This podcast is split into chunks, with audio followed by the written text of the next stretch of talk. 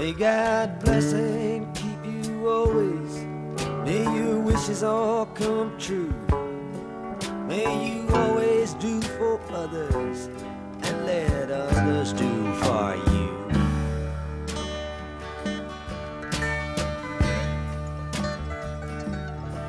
May you build a ladder to the stars And climb on every rung. And may you stay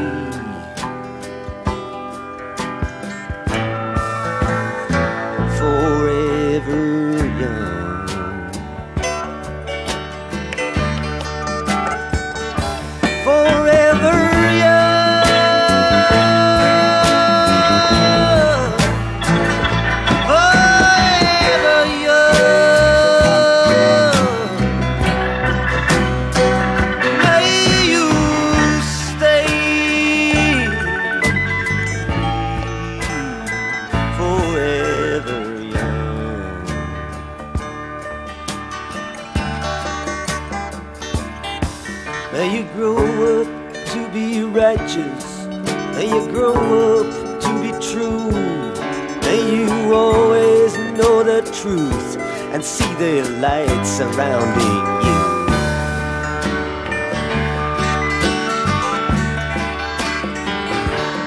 May you always be courageous Stand upright and be strong And may you stay.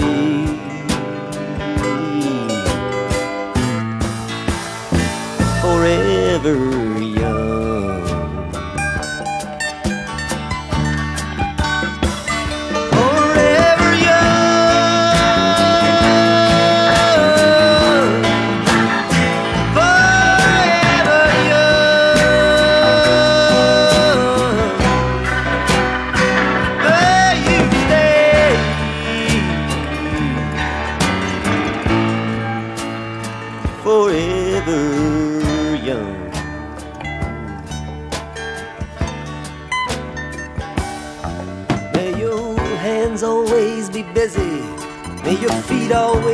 swift And you have a strong foundation When the winds of change is sheer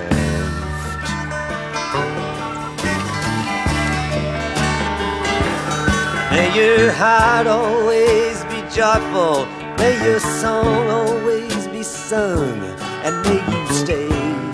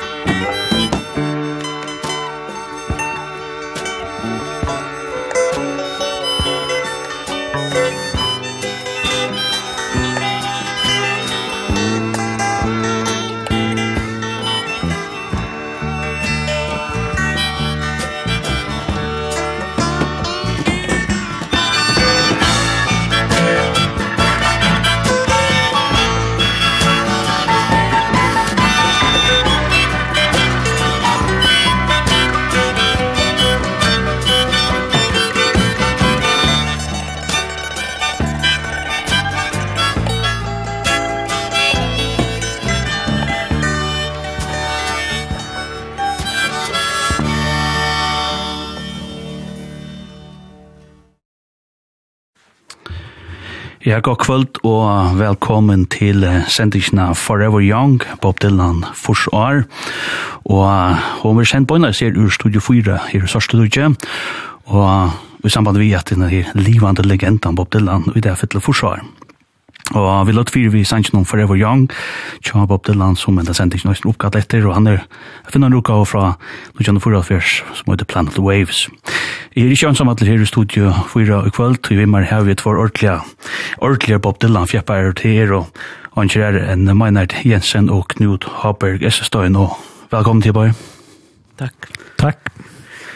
Vi færre at um, uh, pratar nek om Bob Dylan nu, han fyller först. Jag har haft fyra vänner jag har halta ärv. men nu hade jag en föring, eller jag halta sömmer sig att jag göra det att man rönner höra folk med en det är nere i mittlocken, och jag är glad för att jag vill hjälpa mig till att få sända i sin lä, jag halta er på så plats, jag vill göra det. Och men jag vill också, jag vill börja ut här och nu har vi lust att ta ut en sändning här i maj månad, och det här har alla snus om Bob Dylan.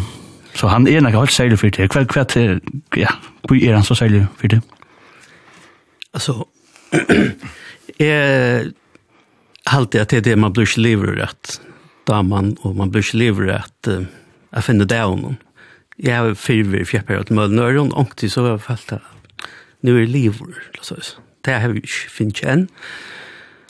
Men det är sen da jeg var yngre, da visste jeg at jeg ville være på Dylan fan, så var man det? Jeg vet ikke, cirka da jeg var en 20 år, så var jeg siste på som åtte gjennom plato som jeg hadde sivt. Jeg var tiltrekt av det, men bare ikke min halvårst etter Elvis, det var ikke Bob Dylan tjokk.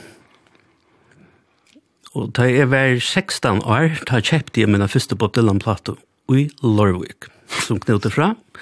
Jeg var en handel, det sendte og Aramaten bygde rock, og så selte jeg øyne på Bob Dylan-platt. Han har kjøpt det. Men det var ikke øynsang, Mr. Tambourine Man, som den første, i ordla dama da. Og så gikk og ærene, så da jeg var nyre å lese, så begynte jeg å lene platter av bøkashandelen, lant i atler på den platten som fann her, og lort etter dem, og arbeidde meg faktisk atler etter til at vi lort av etter dem, nødvendig forsvar femst der platten som var nødvendig ta, jeg og bøtjmød og omkring, menn, men så tar jeg midt av femsten, og så får jeg arbeidet meg atler etter. Det ble vi er nødt til før, og Jeg har sagt det for at vi er Bob Dylan fjeppar til Aksmøver og fjeppar til en tutsi forskjellig om falken. At det er veldig spennende. Og nå er det så det er lengt tøyerskøyt fra første trusjonen og til så ekstremt nekt tilfell. Og til at jeg kjenner meg så øyla vel atter i nekvån og Øysnisen andan vi Arne Elvis til at, at det er så rødfest. At det, det er lykka spennende at han pøker alle den til røtene. Han, han lykka større fan enn nekvån som vi er av hon. Ja, vi får snakka nek mer om uh, Bob Dylan. Du skal lukka høyra Knut, og hva vi tar Knut, du erst tenkre enn uh, Meinard, men uh, du erst en øyla stor kjeppar just nu. Hvor er han sånn akka særlig til? Altså, jeg får ihåg som um, det första för jag var konsert tja Bob Dylan, det var 1995, det var 15 år. Vi bor i Aarhus, Og det er vindfalkene som jeg har her, og, og floksfeller og jaunaldrer, uh, av ankrar grunn så lorsta vi døgnet enk etter etter trusjar at han The Doors og jeg oppde jeg The Beatles, så Shalvor og Jimi Hendrix og Og, og Bob Dylan passar jo alle vel inn i alt det men måneder var bare han var stadigvæk av løyve og, og, og framveis virkjen. Um, og så skulle det være et tiltak som er Aarhus Open Air, som er en åtta dora konsert. Her det hette forskjellige balkar, en, en ekvitsvart dangst, um, som var fremme å ta. Og så var det sånn Bob Dylan. Og, og um, jeg har så, jeg har en sånn sangbøk her med hus, vi har mulig sangkon, norrlenskon og enskon sangkon. Her var sånn Bob Dylan sanger, som er last med gitar, var så smått, å spela gitar, og med Lana Blown in the Wind, som jeg var bare gripen av att han ville gå sanker. Ja.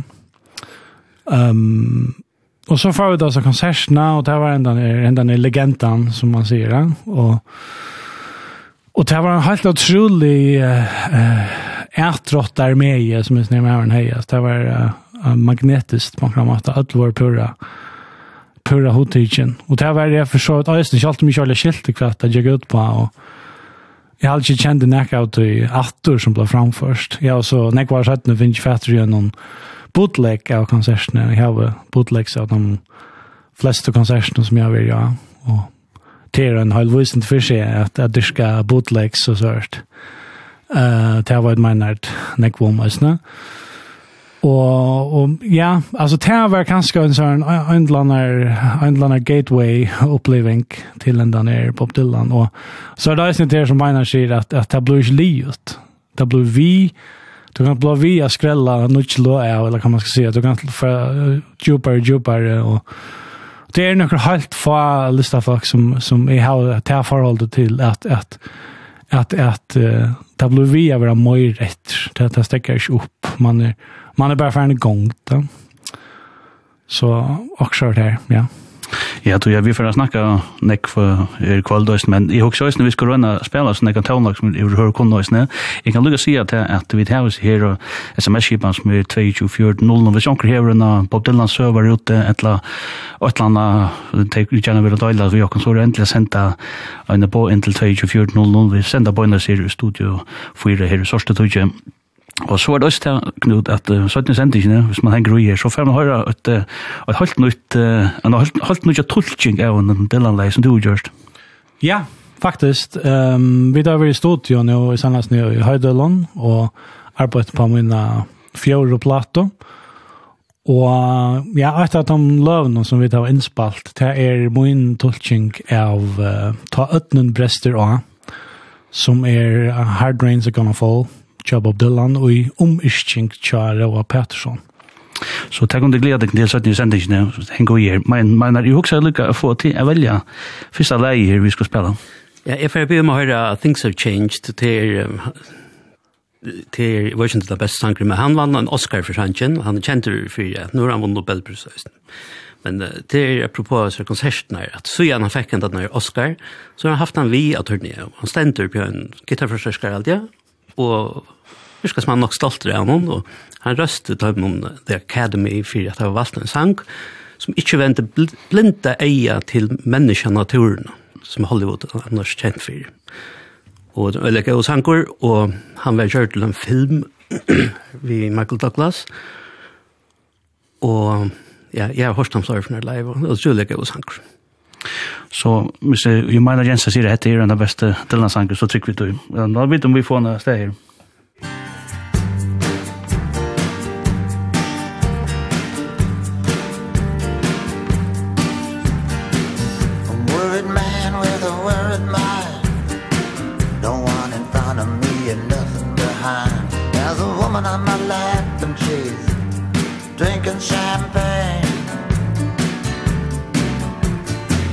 got white skin got assassin's eyes I'm looking up into the sapphire tinted skies. I'm wild dressed Waiting on the last train. Standing on the gallows with my head in the news. Any minute now I'm expecting all hell.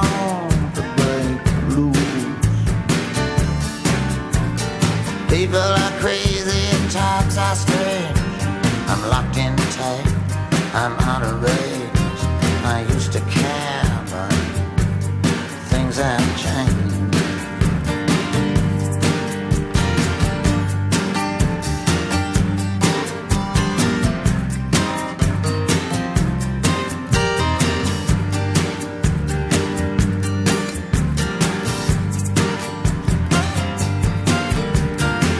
This place ain't doing me any good. I'm in the wrong town I should be in Hollywood. Just for a second now I thought I saw something move. Gonna take dancing lessons To the jitterbug rag. Ain't no shortcuts Gonna dress in drag. Only a fool here would think he's got anything to prove lot of water under the bridge. A lot of other stuff too. Don't get up gentlemen I'm only passing through. People are crazy and times are strange. I'm locked in tight I'm out of range. I used to care but things are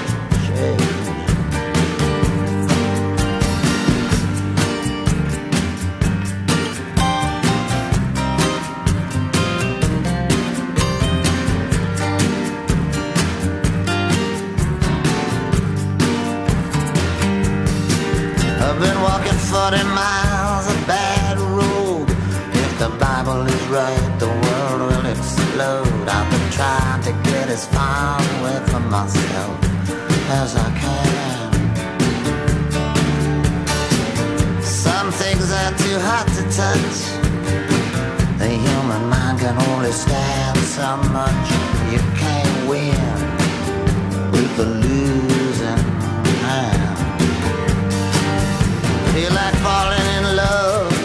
with the first woman I meet. Putting her in a wheelbarrow and wheeling her down the street.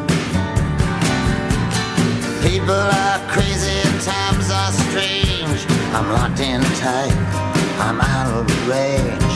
I used to care, but things have changed.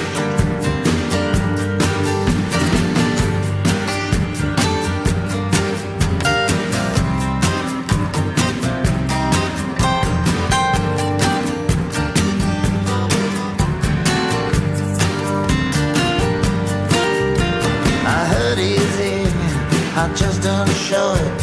You can hurt someone and not even know it. The next 60 seconds could be like an eternity. Gonna get low down Gonna fly high. All the truth in the world adds up to one big lie. I'm in love with a woman that don't even appeal to me met Miss Lucy there Jumped in a lake. I'm not that eager to make a mistake. People are crazy and times are strange. I'm locked in tight.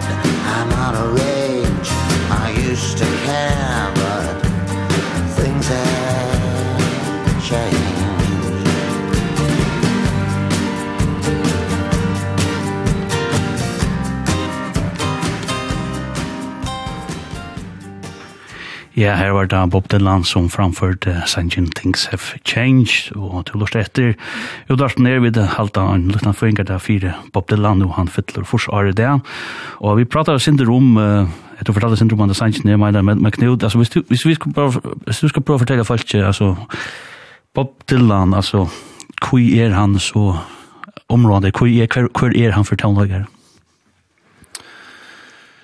Ja, yeah. Alltså han är ju just drar en neck.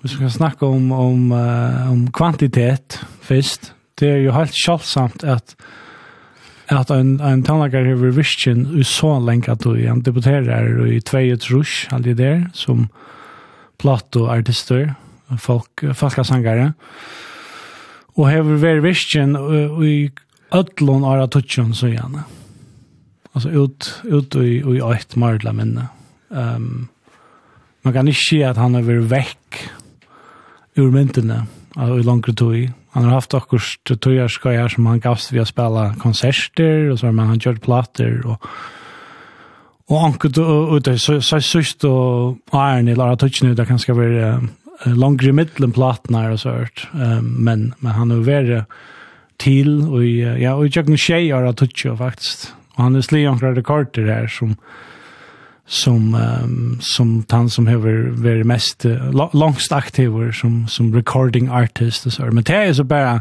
nökten det är öla öla stor nökt jag tillfälligt jag öla länka till i sammanbord vi vi sina gånger innanför uh, pop town like popular town like um, men så är det kvaliteten och kvart är det som han ger. Alltså vi har alltid att uh, att Nobel høyeslønnen til hun var lært en ta, ble det sagt nok så vel at, at Ja, grundgevingen är att ja men alltså han han introducerar uh, alltså lyrik av hövonstige alltså högsta stige som för helt åter och i och i fatna tog och i antiken och och uppjögen tog när uppjögen ölden när eller som tär och och i lyriska och Og det introduserer han av, av rockplato, eller singleplato, eller hva det er. Som, som, uh, som, og, og det var, uh, det var ikke som sa til det kom, at, at uh, den, den moderne um, roll musikeren som, som teenagerne lust av efter och som de eldre og atterlinje helt och var några fryktelig brass att att att han han town skulle som var det var jack Carter och, och Larmer och, och rock and roll att han skulle bli var näka som som knappliga um, var en så hög stöj. Alltså alla vägen runt. Eh och där är han så en sån like då och där sjön det där näck under som måste ni ha just uh, skriva goda texter och just goda sanger och just go a list innanför det här, men det kom alla som att han sitter Han sätter Lucas som standarden? Ja, yeah, han sitter hål då. Det Annars är det några är grupper man kan ta med oss. ja, men jag menar det är också som att det vi är kvar där han kommer från oss med. Kan jag från att ja, det är uh, sånt musikalst, mentnarliga og som menneske, alt forstå. Han er jøde ur Øster-Europa, og dessa halt parstvis, og eh, lenk ommer og lenk appar flotto til Amerika, fyrst i Nujandra. Det enda så er Minnesota, og han ble født i Duluth, halvdje, eller et eller hepping, og så fer han til en bøyen, og til er 1924, det tar jo familien, så var jeg en 500 år, og, og i Amerika. Det var da omrapper, ja, never mind. Men uh, kan takke utgangsdøy i en plato som kommer ut 1925, til han kommer ut som rockar, ordentlig. Vi leker Rolling Stone, så eitet han platan Highway 61 Revisited, til han vekser opp, er oppe i Minnesota, og han har sin til følelse, er ikke ordentlig herfra. Det passer, han er ikke ordentlig herfra. Og man kan så si at det er muskalst, så er han ur Appalachia-fjallet, han er ur deltaene. Og mentenarlig er han også New Yorkere, kan man si, ja. Og så hever han øylandekket til følelse for vestfronten, og her som Woody Guthrie er fra Oklahoma, her aløy. Her man sier han sørste fronteren vær. Og da jeg sier Appalachia, så er det alt country og det, Og blues, det er alt i delta in og så er det som blir rhythm and blues, og så Elvis, at du først en kvita dronk som på en måte er en svarste dronker. Mentnerlige er han øylandek herfra, og ja, det er kun ganske snakka mer om søttene, men han hever også en bøkmentalige bakgrunn som er øyla viktig. så han er ikke bare musiker han, han er også en bøkmentalige, han vann også en Nobelpris, bøkmentalige. Du är också jag snärt den nämnde du när det kusch kusch på hörna där like a rolling stone så fucka för ja kan det bli en kostel bästa sangen när kan den rolling stone bland den jag hade procent har där uppe allt. Det är släng från. Ja, han var rätt. Då får jag prova lite med för Hanna sen. Thank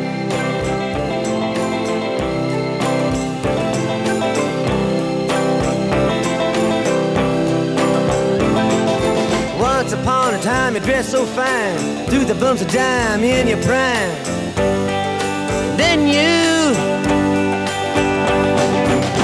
People call, say beware doll You're bound to fall, you thought they were all I'm kidding you. You used to laugh about Everybody that was hanging out talk so loud.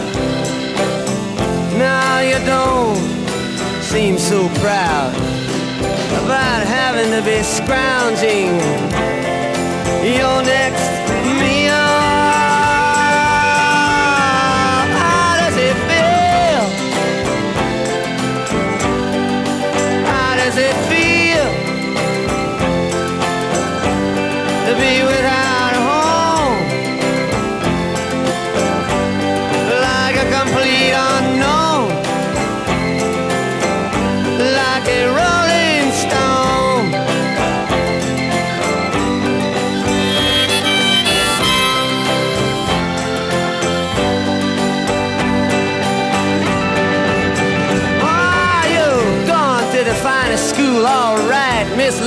But you know you only used to get juiced in it. Nobody's ever taught you how to live out on the street And now you're gonna have to get used to it. You say you never compromise With a mystery tramp But now you realize He's not selling any into the vacuum of his eyes and say do you want to make a deal?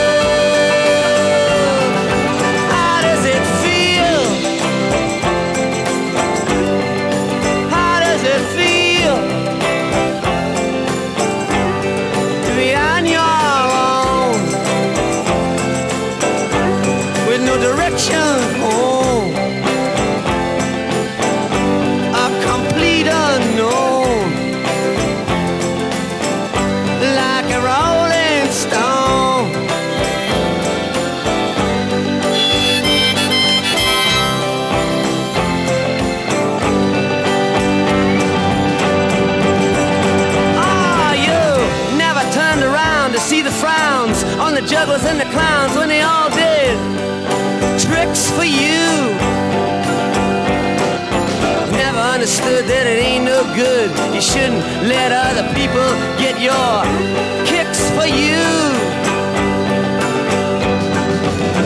You used to ride on a chrome horse with your diplomat who carried on his shoulder a Siamese cat.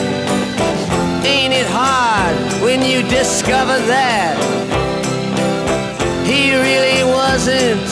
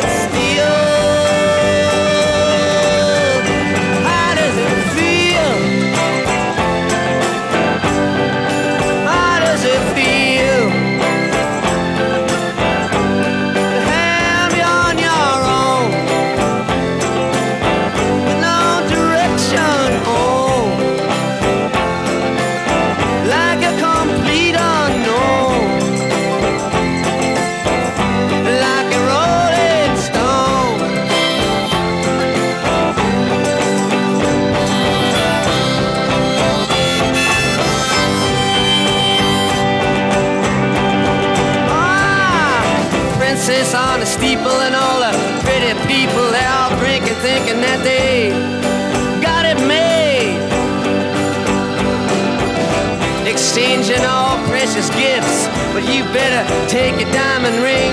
You better pawn it, babe. You used to be so amused At Napoleon in rags And the language that he used. Go to him now, he calls you, you can't refuse. When you ain't got nothing You got nothing to lose people now. You got no secrets to conceal.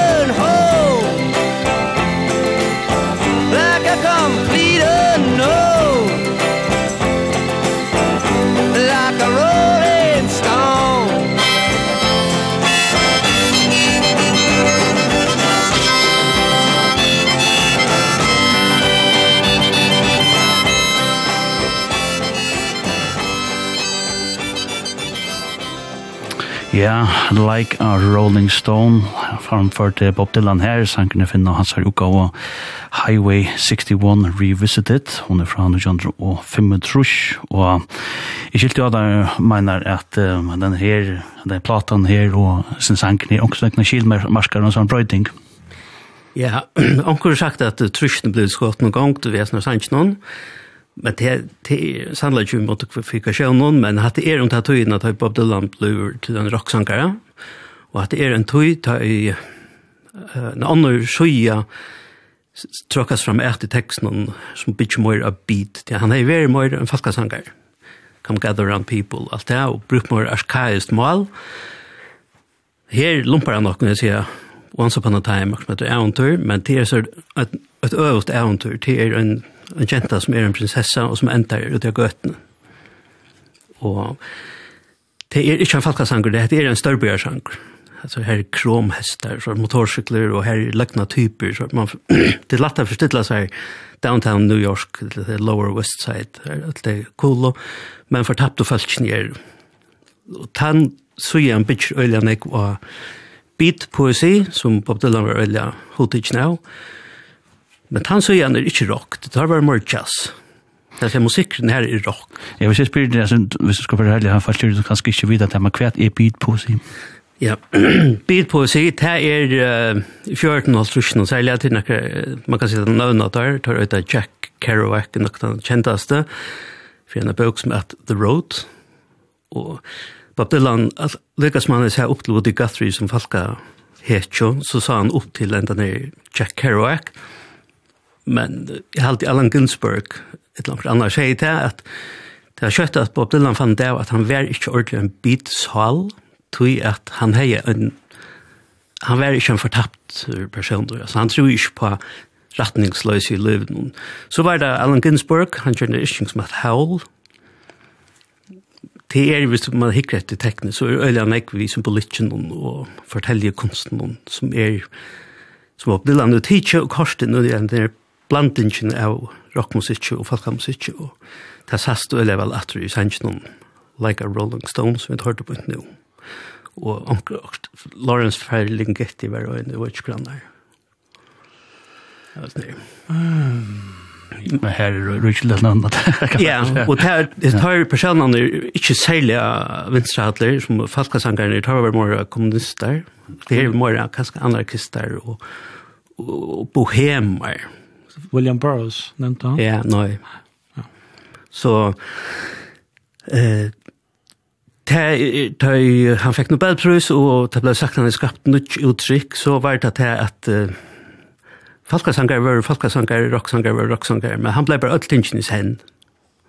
Och og helt var forferdelig å være falkasangar tog at uh, det var så strengt og puristisk, at han fikk jeg, jeg var vite Da han spalte lesken og gitar og fikk kjeld.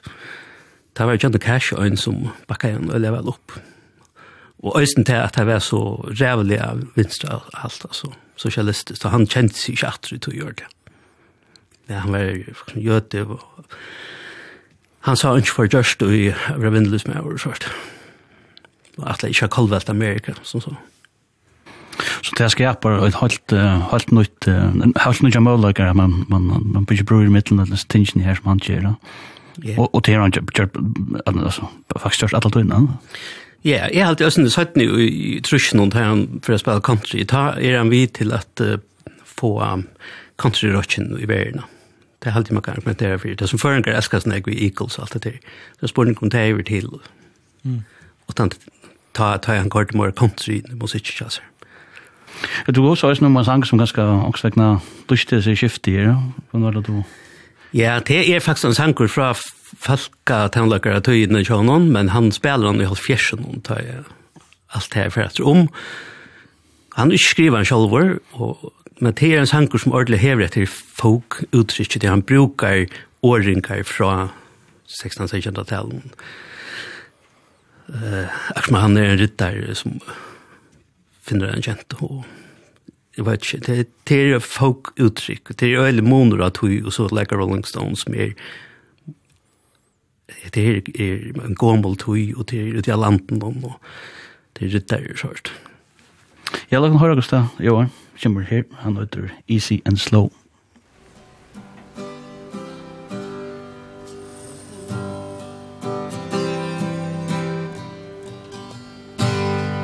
Drowned by Christchurch that I first met with Annie A neat little girl and not a bit shy She told me her father who came from Dungelling Would take her back home in a sweet by and by. And what's it to and wither I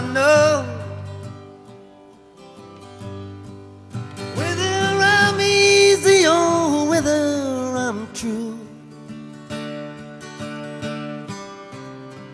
As I lifted her petticoat easy and slow And I rolled back my sleeve to unbuckle her shoe.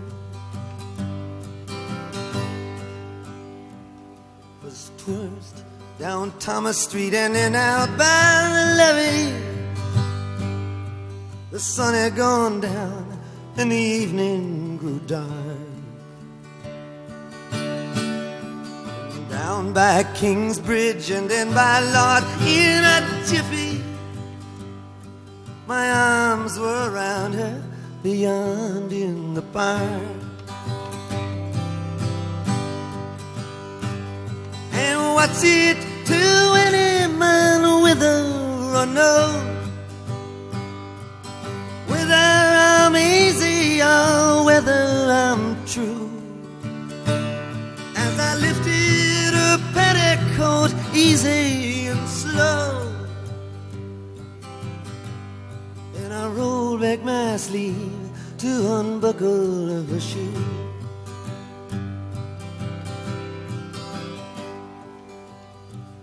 Now in city or country A girl is a jewel? And well-built full gripping As most of them are. Now but any young man Would be really a fool To try it the first time And go a bit far.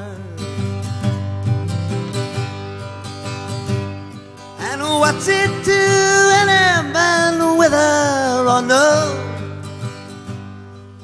Whether I'm easy or whether I'm true.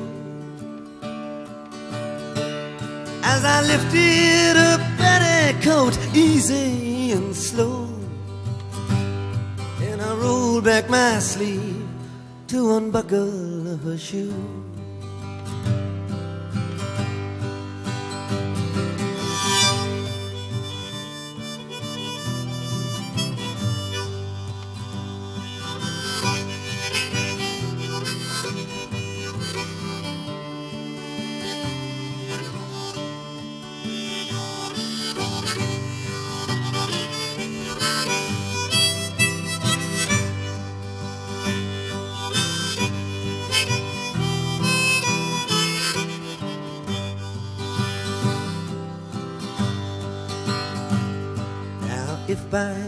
chance.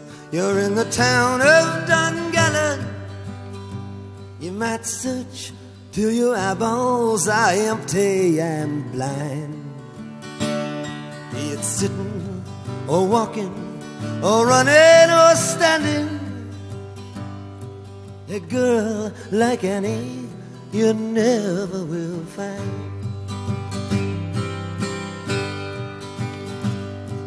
And what's it man without or none.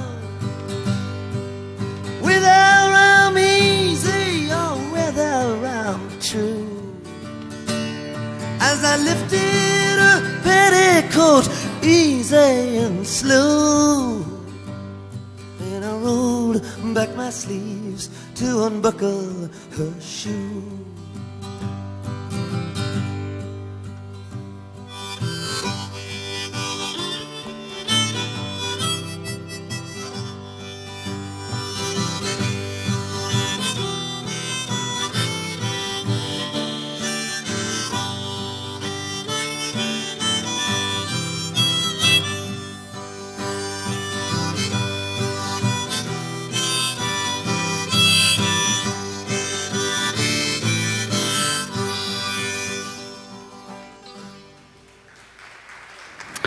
Ja, jeg hørte vidt Pop Dylan i konsert her, vi har en sang som heter Easy and Slow. Gamle ikke en sang som man skriver selv, men han tolker han så mye, så mye vel at man skulle tro han åtte igjen. Hadde vært et utdømme på hans, han gjør at han var ordentlig ivrig folk, hatt noen jazz her, vi tog sjankene. Og til lust etter sendingene Forever Young, heter er en fyrkert sending fire Pop Dylan som fytler fors år i det, og til har du alltid vet her judars noen av tid er underløst Hansen, og så er det Østene Meinar Jensen, og så er det Knut Haberg Estestein. Og vi tar også disse her sms-kipan åpna som heter 2240 hvis det her var jeg søver om oppdelt landet eller åtte landet til vi det døyla vi okken, så er det velkommen at skriva lokkar her. Og man også vil snakka om nesten sanken korte knut til det vi Alltså Bob Dylan joar eller imisl imiska tøyir, han er nekvar imiska rattar. Ja skal det vara vi här? Ja. Ja, rötten tja Bob Dylan, det är en sort, en sort uh, centralt uh, ämne, eller fyrbryggt i just ner till att Alltså ett är det att han är över vision som vi snackar om Jan i nu i tjej Aratucho. Och det har hänt enorma uh, fysiologiska brödingar i tjej Aratucho. Du, du är släckigt han samma, det är inte samma likamme, det är inte samma personen, det är inte samma alltså halsen och stämband och och allt här och lunga kapaciteter och så sånt där brötest ju. Eh och Julia om fram till att att Bob Dylan har en diska snack imisk stilistisk uttryck. Ehm um, att det finnas upptöker från Nujan och Trush aldrig där och Iron handlar som behöver debutera eh här som han faktiskt behöver det sig runt och också vöks och rötterna som man så høyrer atter av Nashville Skyline to gjør. Her han for ivrig er det country-kroner uh, tinsje. Um, men her i middelen, her er han så er han ferdig til New York og er begynner å dyrke en sånn folk uh, protestsankere personer og dyrker en sånn nasalan klang, og sånn sindur sindur såna sindur akarand onkur kallar ta hipster sneer. Ehm um, Det ska ta klanchen och han sjön ser ölen jag upp till Woody Guthrie och Herman Tronon tant tog det Ehm här som det är chans citat från Woody Guthrie att att han säger att uh, ah han skriver han skriver ju väl men han då oh, säljer var sin så det ska nog vara en gång John som sankar Men uh, men man kan se elefanten i rummet här på en del att uh, till folk har öle imiska meningar om rötterna till Bob Dylan.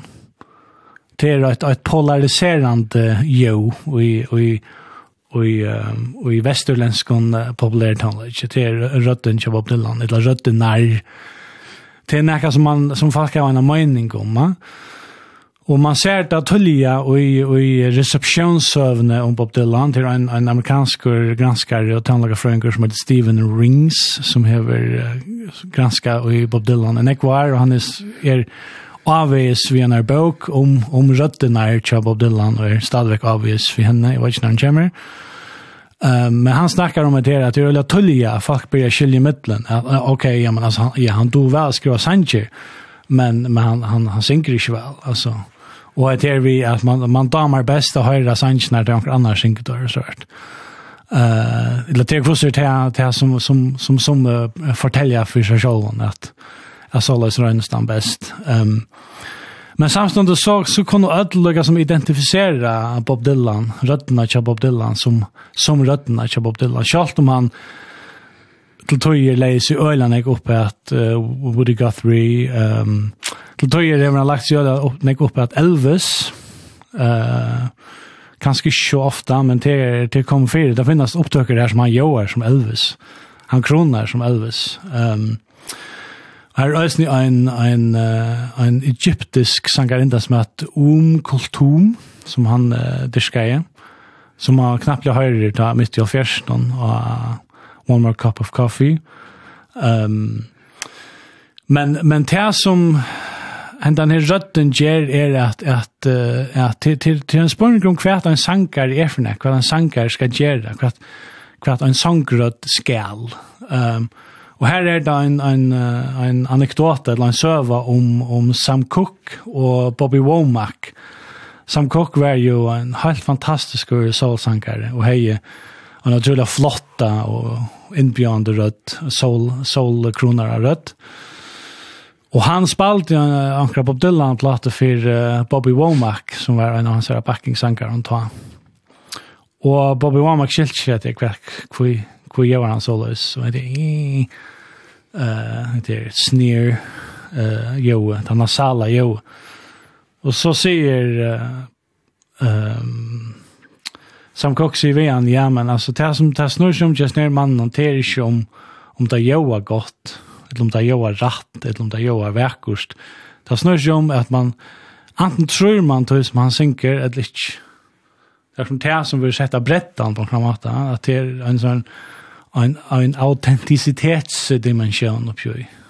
Är det autentiskt? Kunde vi, kunde vi, alltså tryckva vi, kunde vi liksom fälja, fälja honom ut som han redan säger. Og det kommer nok eisen inn fra, fra folk, folk uh, syvenjene. Det er vi at, at, at du skal lukka som åpenbæra sannløkar, eller et eller annet som kommer ur tøyere når døype, eller, eller akkurat, akkurat som sier akkurat grunnleggjant om om akkurat lov som menneske her har falt, og hvert av sønnen. Uh, og det er enda nere var sikna jeg røtten, eller røtten er tja Bob Dylan. Ja, tror jag alltså man har också ofta som det jag hörde så är det han brukar det som miljö för det. Stilla som ja så nu crack klär i nutrition och det är spörsmål om jag ska synja det pent eller kan kan kan till det så så har ju då också då när det stora skiften ja.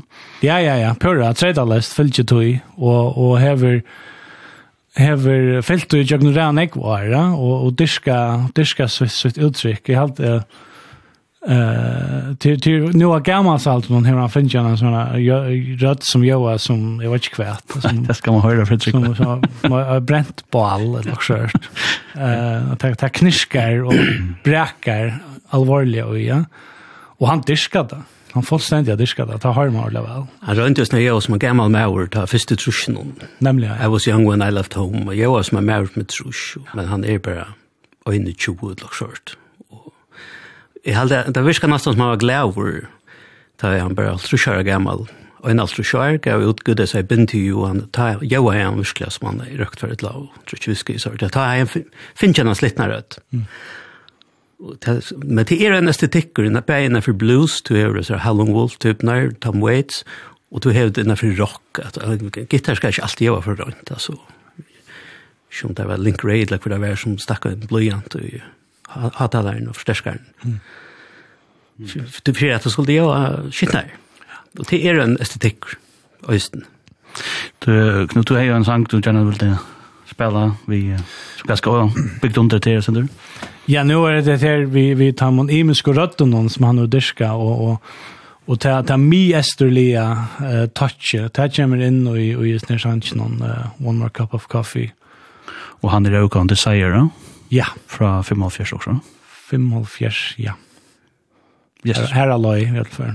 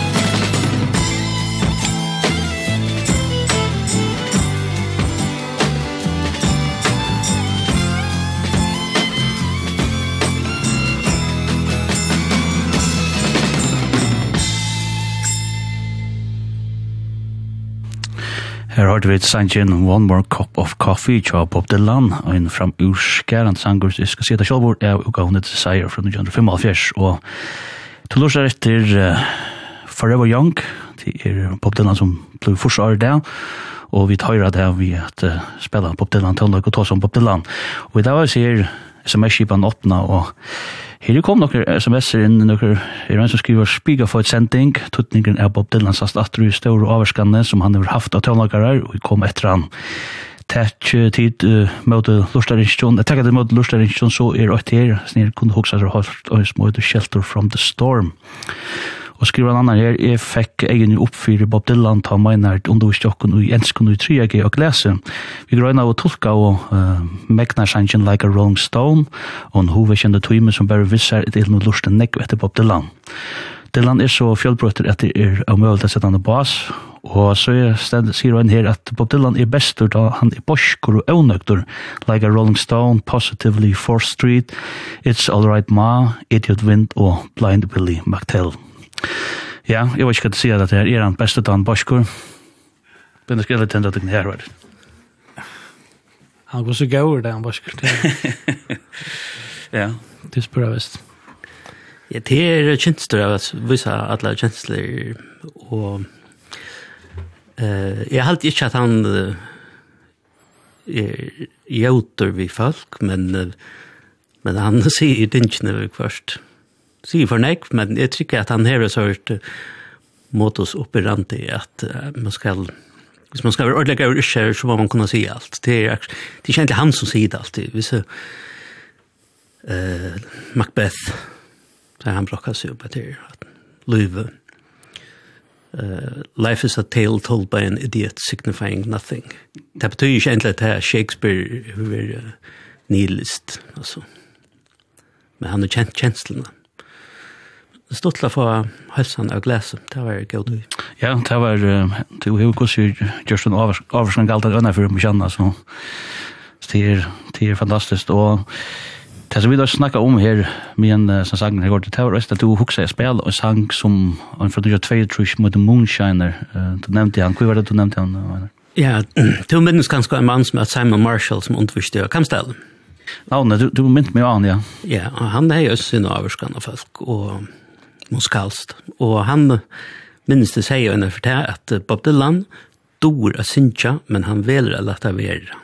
Det er en stortlig mat å si det på. Men så hei en vimmann i Amerika, han døg i fjør eller fyrre år, som heter Peter Stone Brown, som er, ja, utrolig innenfor musikk. Og han sier til at han pleide å vise folk som Moonshiner, han skal vise dem at hvis Bob Dylan er en person der, så kunne han godt synge så pent at det ikke det kan leve opp til det som folk kallar pent. Men samstundet så er det en sangrum at han er gammal. Han er en moonshiner, det er en som selger av lovligt. Det er, han er flott seg selv han etter i tjoene og er en gammal svarste maur i tjoene som han gjør skjer, men, men synker ikke slitt. Det er gjørt omkring altså bluesherren. Så jeg vet ikke, Knut er utlærtur innan fyrir jeg ser tingene. Det tekniske er ikke forstand på det. Jeg halper at jeg var pent. Ja, la meg høre hvordan er Moonshiner Joar, og sangen er fra 1922, tror jeg, den røyer.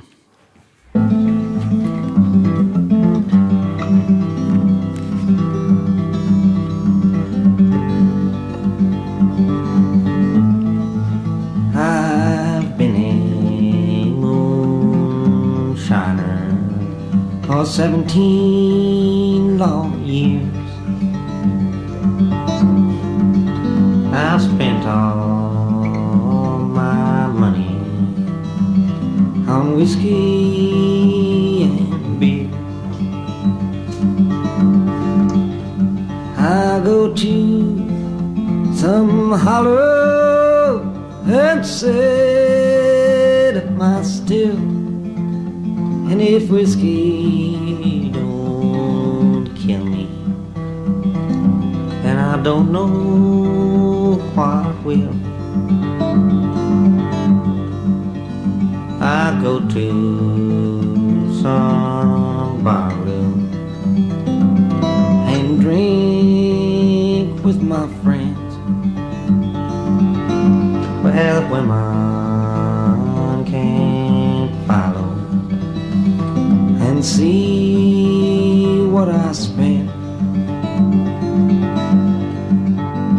God bless those pretty women I wish they was mine.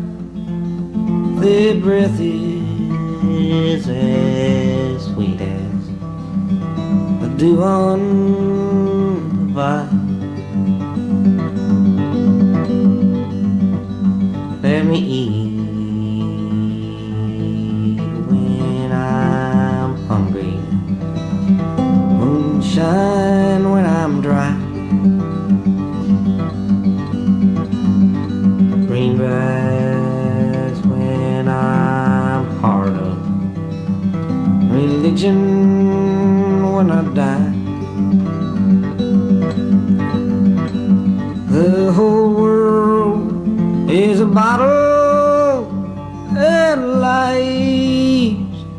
dram when a bottle. Gets empty. Got it ain't worth a damn.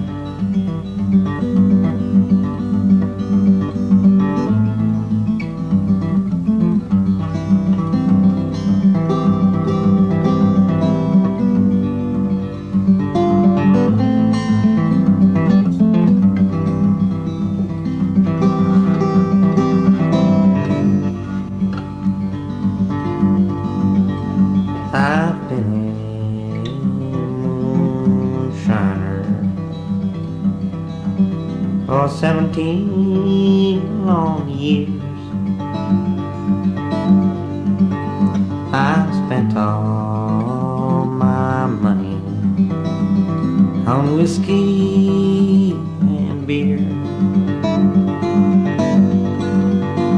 I go to some holler and say am I still in here whiskey? don't get me And I don't know what will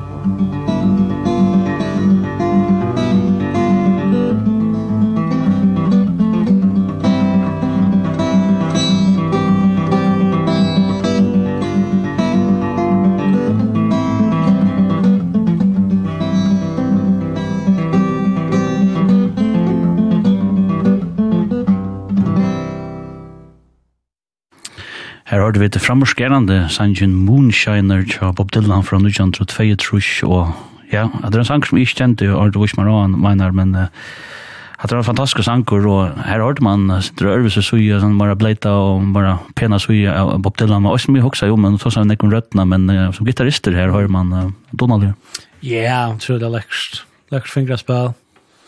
Mynt med synder om Don't Think Twice, It's All Right.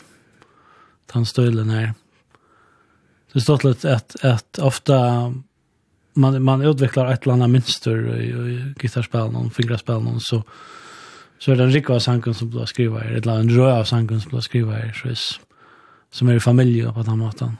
Ehm um, men jo, jag tror det är vackert Og ja, hva vet ikke hvordan er han uh, satt som tonlager, man hører han mest om han som poet og som, ja, sang, uh, som sanger her, han døyler han vatten, vattnet, og, men hvordan som tonlager, hvordan uh, er han satt Han er, jeg halte han er, altså han er vel, uh, hva skal man si, ja? han er han er respekterer over som tonlager, mittlen, mittlen tonlager, altså, Jag hade det här var Mark Knopfler som säger att, att, att man skulle bestämt sig undermäta att det, det instrumentala evne till Bob Dylan alltså bara som som klaverspelare hör det alltså till till var till rudimentärt men men men han dår att han dår att göra det som ska till för jag ber en sång fram. Ehm um, Bäja klaver och, och gitarr. Um. Men man var förnämmar att det är inte här i alltså, tv skulle spela bara. Alltså, det är inte här hans här fokus ligger också. Eller? Kan man se det på den måten? Att han är ute i i den søvn han forteller. Og... Ja, for han vil jo fortelle han søv og så, men, men, men allikevel, hva skal man si, han har ikke hatt forståelse for sjankro og for, for til søvlig, at det som ligger at han for... Uh, og var det tusen den du mener han omringer seg ved øde donar han falt i Ja, Ja, og det er jævlig ambisjøst ta mitt trusjen, og da han begynner å spille at han fyrt til Nashville og finner konservativa uh, musiker i Nashville som lever og spelar mest countrymusik och, och för som New Yorkare Leo Clown och Jerry Blond and Blond och Highway 61 som nu tar til andre like Rolling Stone og Jeg vet ikke om alt det har blitt blant om landet jeg hadde og En som spalt vi Magna Kristiansen og sånn, han heter Charlie McCoy, han spalt i alt. Han lever enn, han er i uh, Han og Jack Zachariasen er på sånn, kjennes vel. Mm så har jeg en sang som jeg alltid spiller gitar av Desolation Road han med men til han fyrir til Nashville det han var ikke hans mennir til å spela musikk allan dagen, hatt det det beste i Amerika. Til å spela 8-12-14 timmar om dagen 6 dagen vikna, om til tjej og til sast øsne 17 år årene som det har vært en ekken konsert og horsnek var. Altså orkestren sånn er rævlig det er stadigvæk som Nashville-musikere til dømes hur heter han? Larry Campbell. Larry Campbell, ja. Uh, Charlie Sexton. Ja, yeah. Alltså Charlie Sexton minns det han kom fram av gitarrist och Dave Bowie han var som prodigy i allt han var mer sejonar.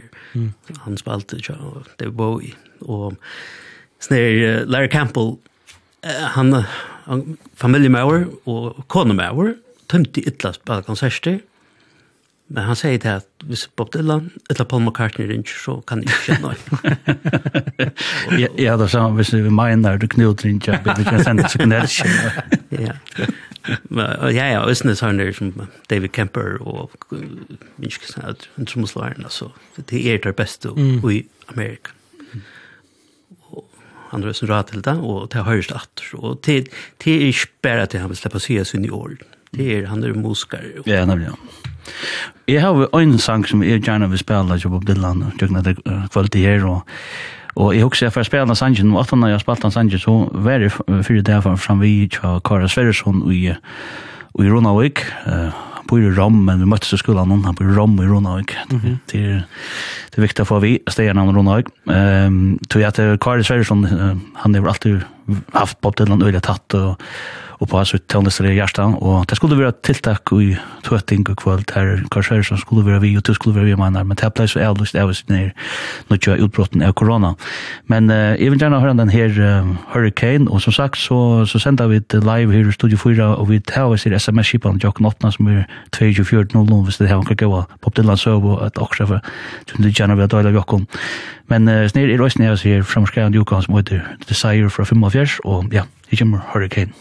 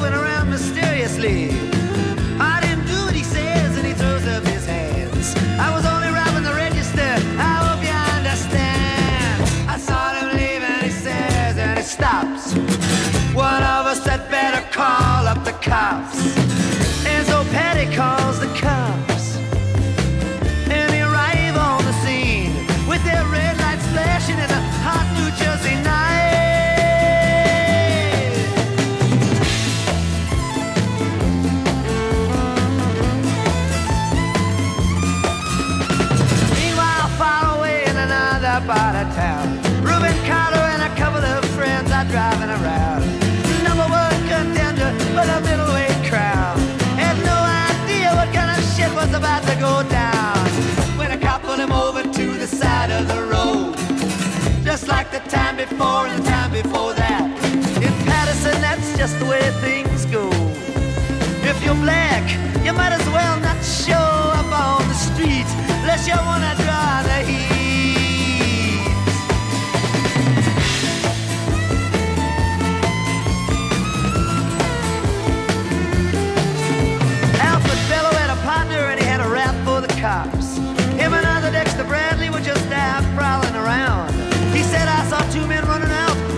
middleweight.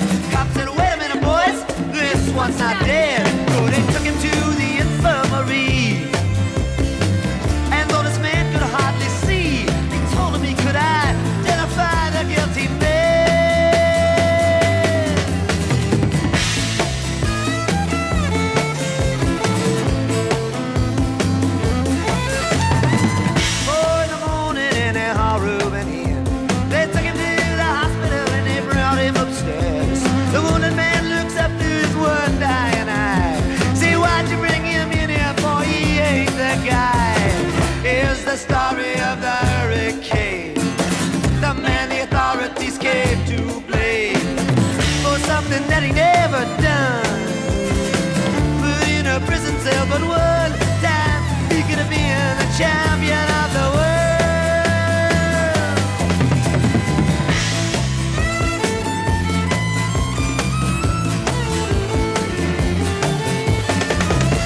Later the ghettos on flame Rubens in South America fighting for his name. While out the Dexter Bradley's still in the robbery game. And the cops are putting the screws to looking for somebody to blame. Remember that murder that you had? car. Thinking like the ball with the law. Think it might have been that fighter that you saw Running that night. Don't forget that you are white.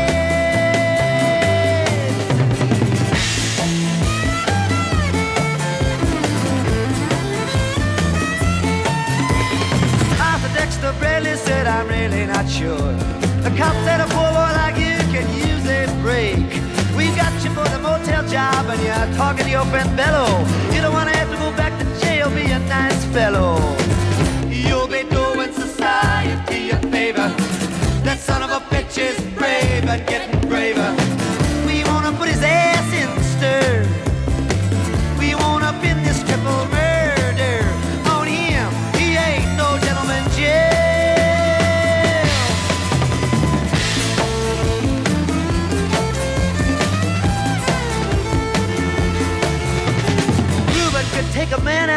just one punch. But he never did like to talk about it all that much. It's my work, he'd say I do it for pay. And when it's over Just as soon go on my way. Up to some paradise Where the trout streams flow And the air is nice. And ride a horse along the trail. But then they took him to the jailhouse Where they tried to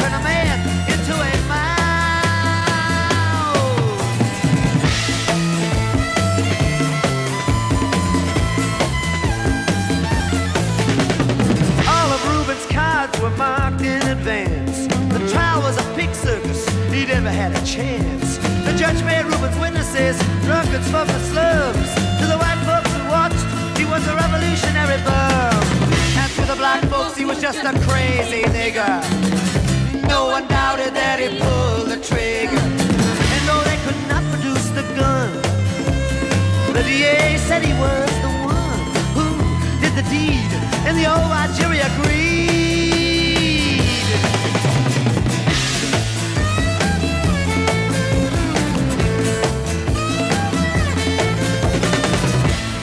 Carter was falsely tried. The crime was better when guess who testified? Bello and Bradley and they both all they lied And the newspapers they all went along for the ride. How can the life of such a man Be in the palm of some fool's hand? To see him obviously framed Couldn't help but make me feel ashamed.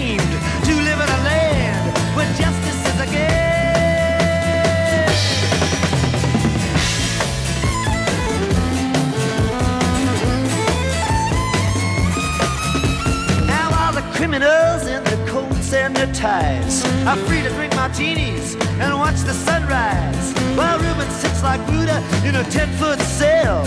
An innocent man in a living hell. Yes, that's the story of the hurricane. But it won't be over till they clear his name. And give him back the time he's done. Put in a prison cell but one time He could have been the champion of the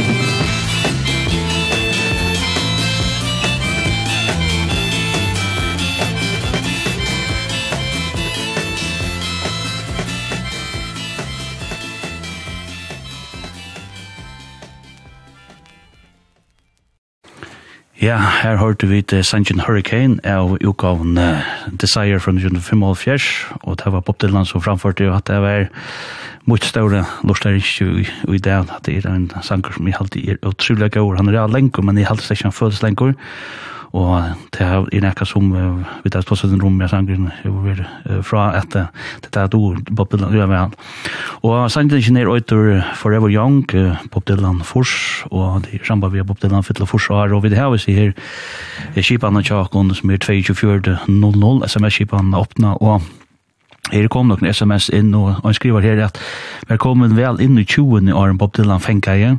Traveling Wilburys hjelper til, sier leie. Congratulations. Her er han så deilig borskur. Hever, lust, uh, nok lurt mest etter Planet Waves, platen John Dylan, og nok leie Going, Going, Gone, som er damer best. Og akkur annars skriver her at hei tid, takk fyrir góa sending, sjálfur er ikkje dilla nörd, men hefa nekvar tydlingar rundt om meg. Jeg platt av vera ein av tøymon som sier at dilla var bestur tøy annor spelan, hefa også sagt at vi må góa vin Esterstein, men man lærer slunch man lever, og dillan er dillan, og det kan ongen gjer honan etter, ongen kovar etta nekka luknande. Så vi tar spillera sin på at jeg kan være knut, til at, ja, at så gong som kjenne det hos jeg.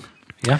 Men um, jeg husker at jeg var forbi til Kara Sverresson uh, for i uh, det, og det var sånn at Kara skulle være en av hørspersonen i uh, en tiltak uttøting, nå i samband med Fingeren og Bob Dylan, og her skulle du også være vi mener, og det ble så avlyst nå i en koronasmittan at det leser samfunnet.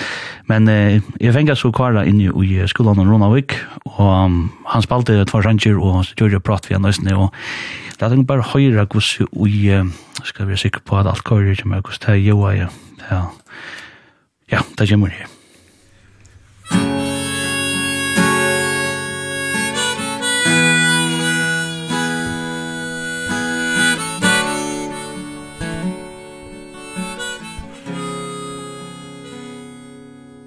Your breath is sweet, your eyes are like two jewels in the sky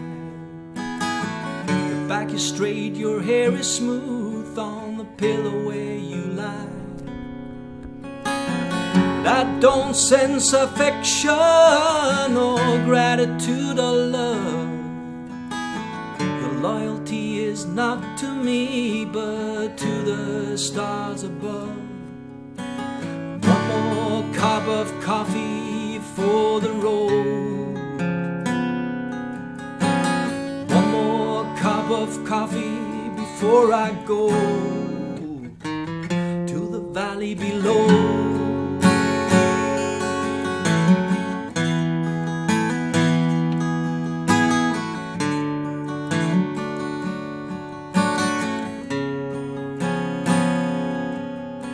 Your daddy he's an outlaw and I wonder about trade.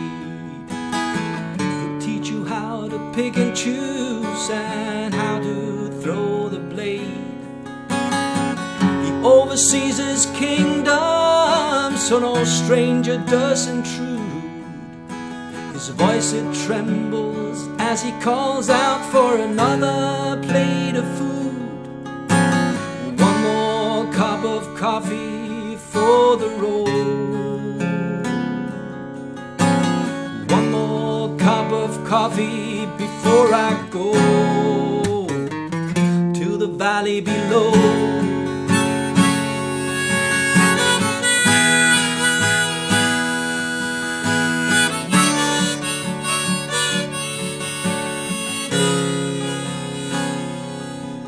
Your sister sees the future like your mama and yourself. You never learn to read or write. There's no books upon your shelf.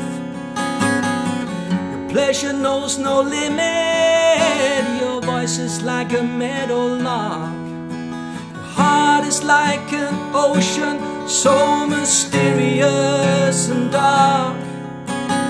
One more cup of coffee for the road. One more cup of coffee before I go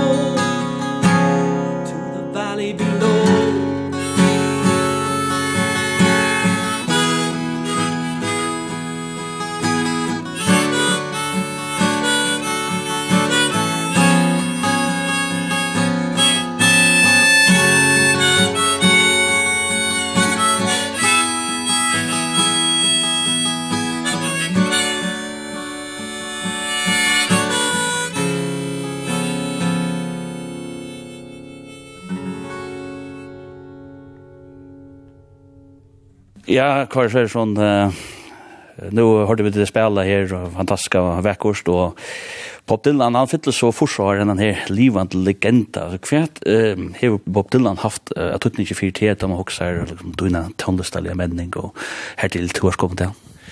Ja, jeg fikk uh, avhå for uh, sangten til rettelig tulja.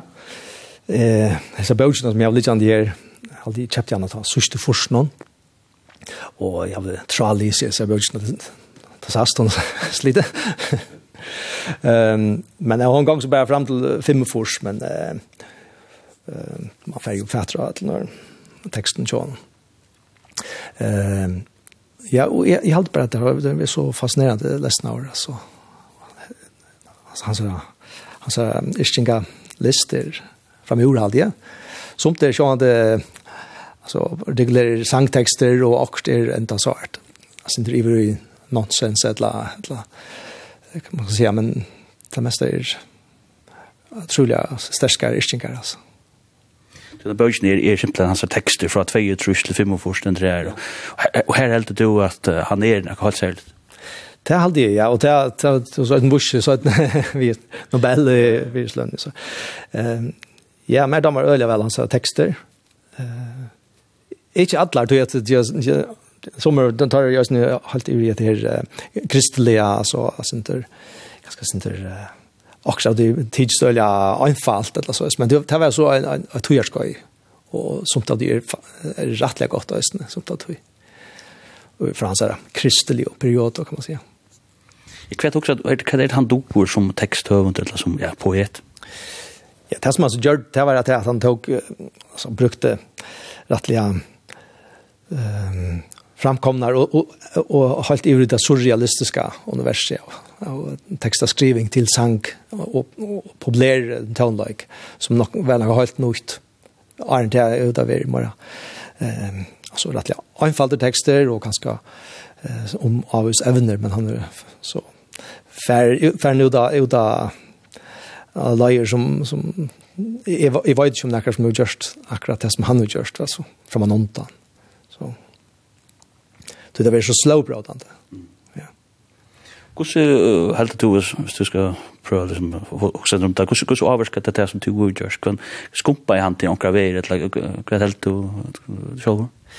Uh, nu har vi ikke skrivet så neg negva tekster, men uh, uh, han har kosser uh, för fyri at du kanst skriva på en helt annan mata enn det som, som er ja, det mest vanliga och mest, mest uh, bant fram. Alltså.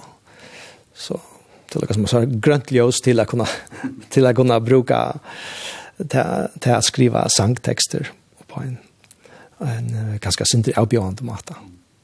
Det var sånn inni at det her vi, at han, at det er jo en utrolig lenk løy, han er veri, og han fyller han for så, han er enda gang til kjøver ut, jant og samt, og sånne ting som er ulla vikommende i det, så at det er så rann ikke imiske perioder til det, man får kjøre balkan og i alt ting, men, men hvis du skal som du sier, liksom, hva er det som han dor, vi, vi, vi, vi, vi, tusen takkast i rundt i men altså, er det ting, kauka kompleks ting, nyr anfall ting, eller hva dor han, eller sentra kvar?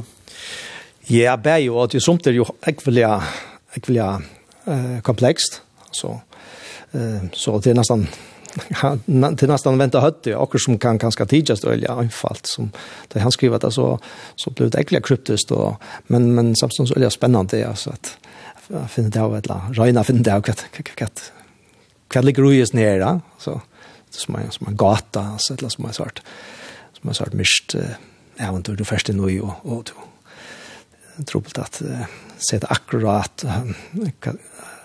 när kan spjälta och kvätt kvätt heter mest ju sjuka detta heter det så men du kan så eh hur bara bara njuta där för in i det universum också. Östa Sandra som du säger att du är troll i sig flöjfinnes av dessa böckerna med texten. Det säger röstnacka att det blir vi att det blev vi, og, og selv det, det eldste, altså, mer, mer damer til dømes, øyla vel, det, ja, det er så den neste platan, at det er The Freewilling eh, til henne.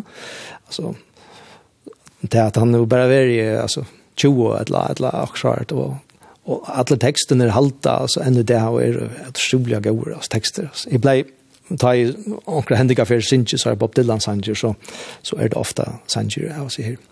Ja, nasta platan ikke hva noe. Ja, du valgte et forsanger, hvor hvor blir det akkurat her sanger, er det noe som sier til skjellene? Kanskje sint til vildar, men, men mer, mer damer vel, altså, jeg, mer damer de øler vel til platene Desire, her var det sånn, One More Cup of Coffee, han er til platene, og så, og så har vi jo, sånn, Alltså kom damer vel til till som heter Oh Mercy.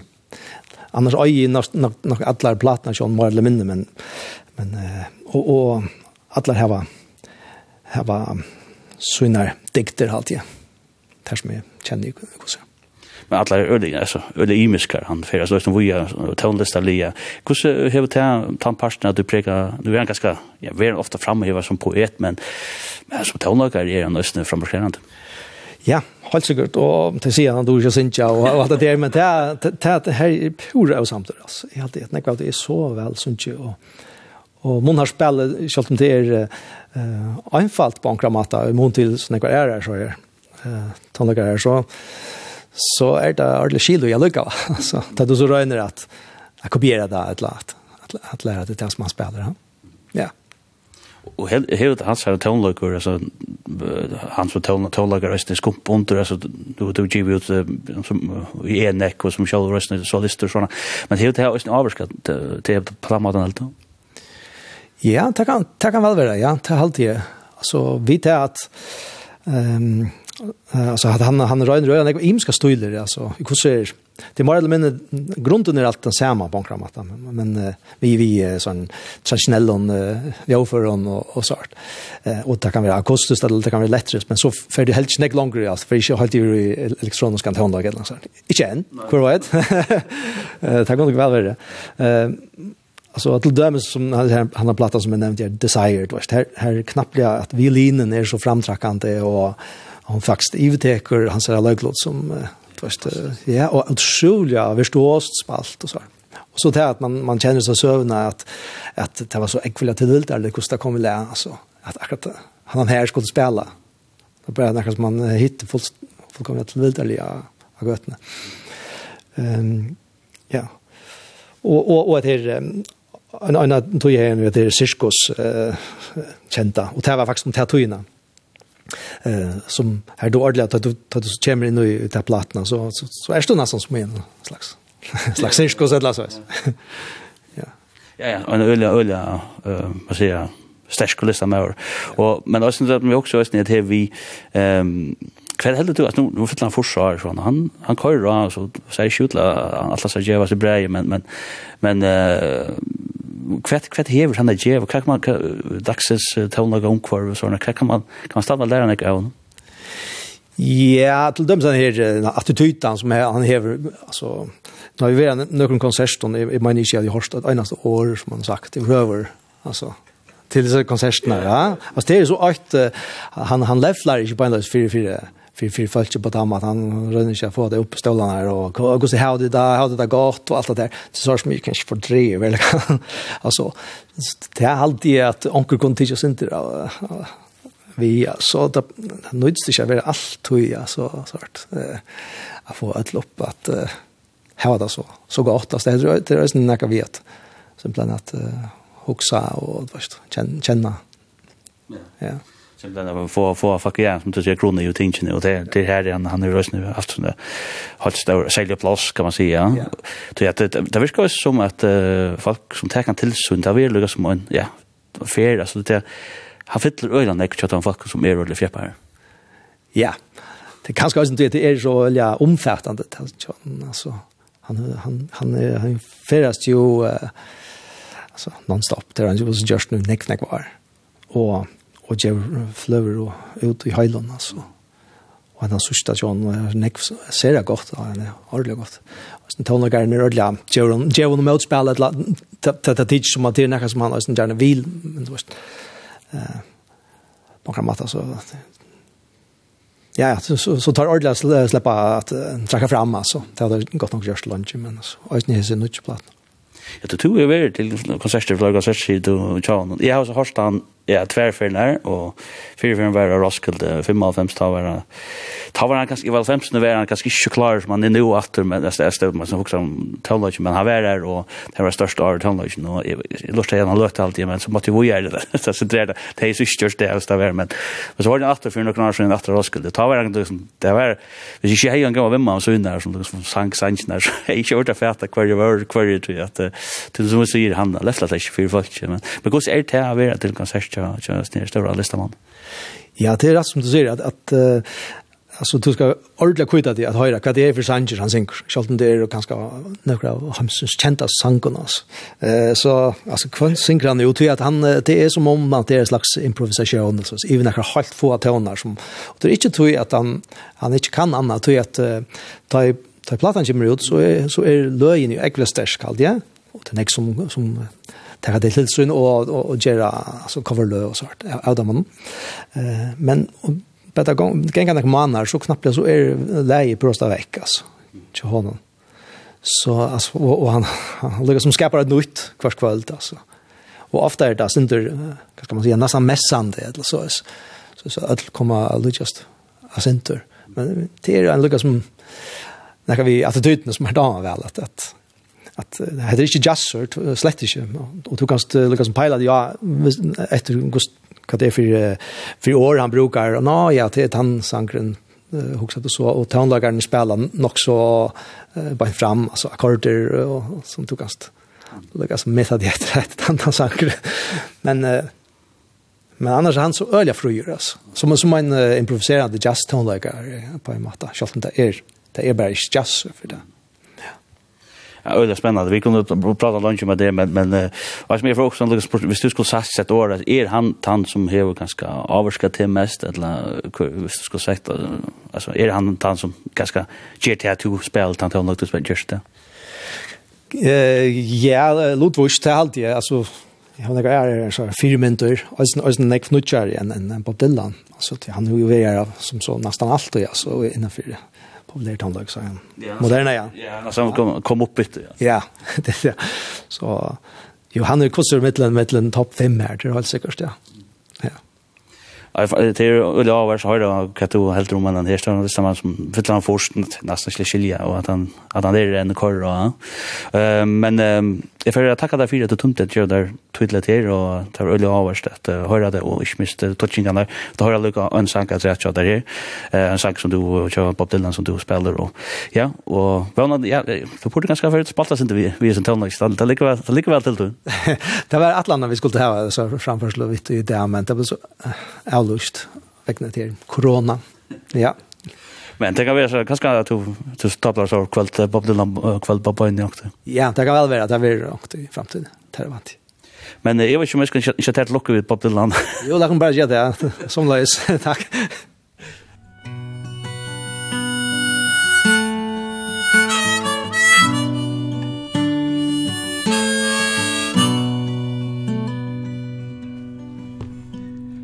Crickets are chirping mountains high. There's a soft cotton dress on the line hanging dry. Windows wide open, African trees Bent over backwards from a hurricane breeze.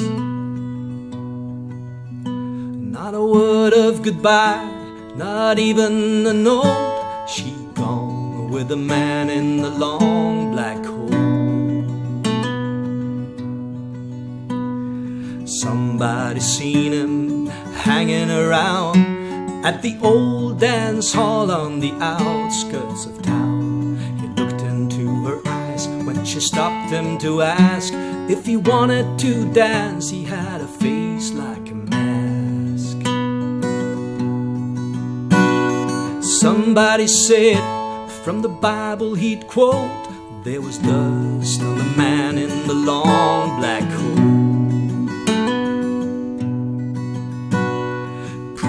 was a talking, there was a sermon he gave. He said every man's conscience is vile and depraved. You cannot depend on it to be your guide. When it's you who must keep it satisfied. It ain't easy to swallow, it sticks in the throat. She gave a heart to the man.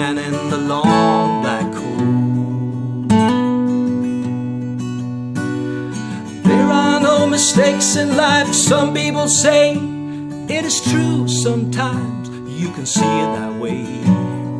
People don't live or die People just float. She went with the man.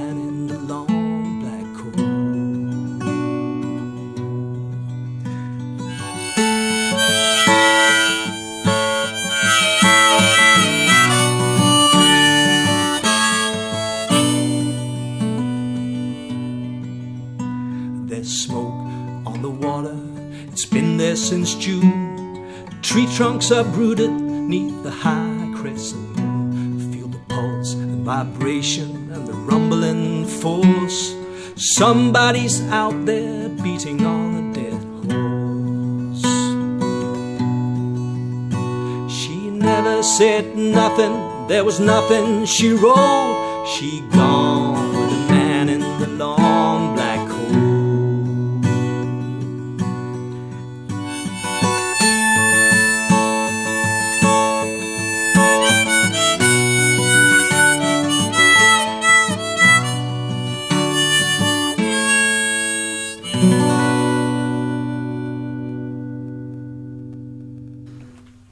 Ja, her har du vidt uh, Kara Sverresson tolka den her sangen tja Bob Dylan som heter Man in the Long Black Coat.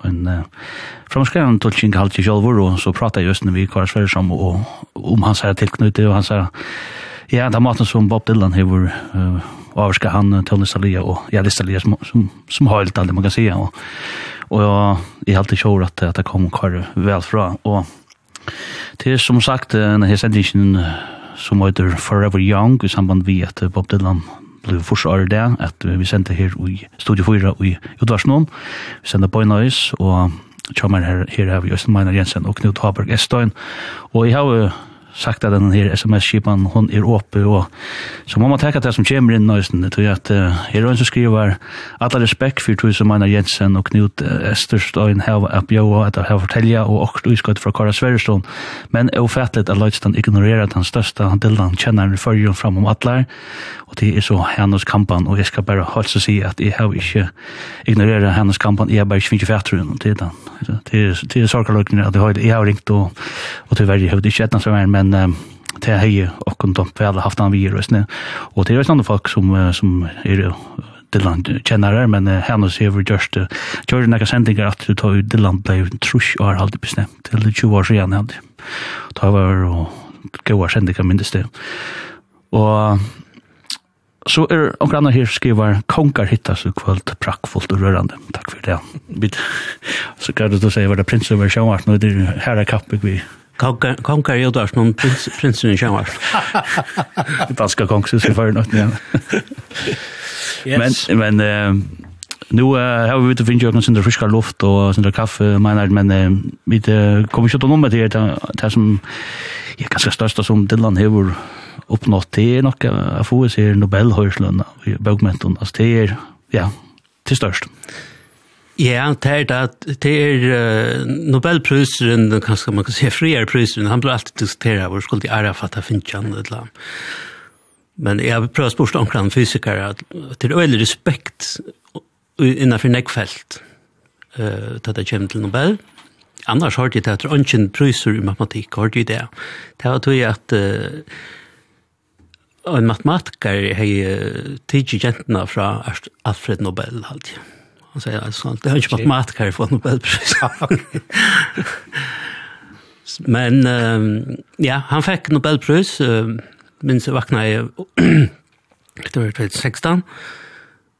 Og jeg har fyllt disse tankene om og i morgen til år, Til at uh, man vet at hver folk har nomineret han, det har vi kjørst i Chile, altså, det er professorer og sånne folk. Og den øyne mauren, han heter Christopher Ricks, som er tryggvever instrumentaler i Jesun, og han uh, skriver en av nokså ultimativa bok om teksten der.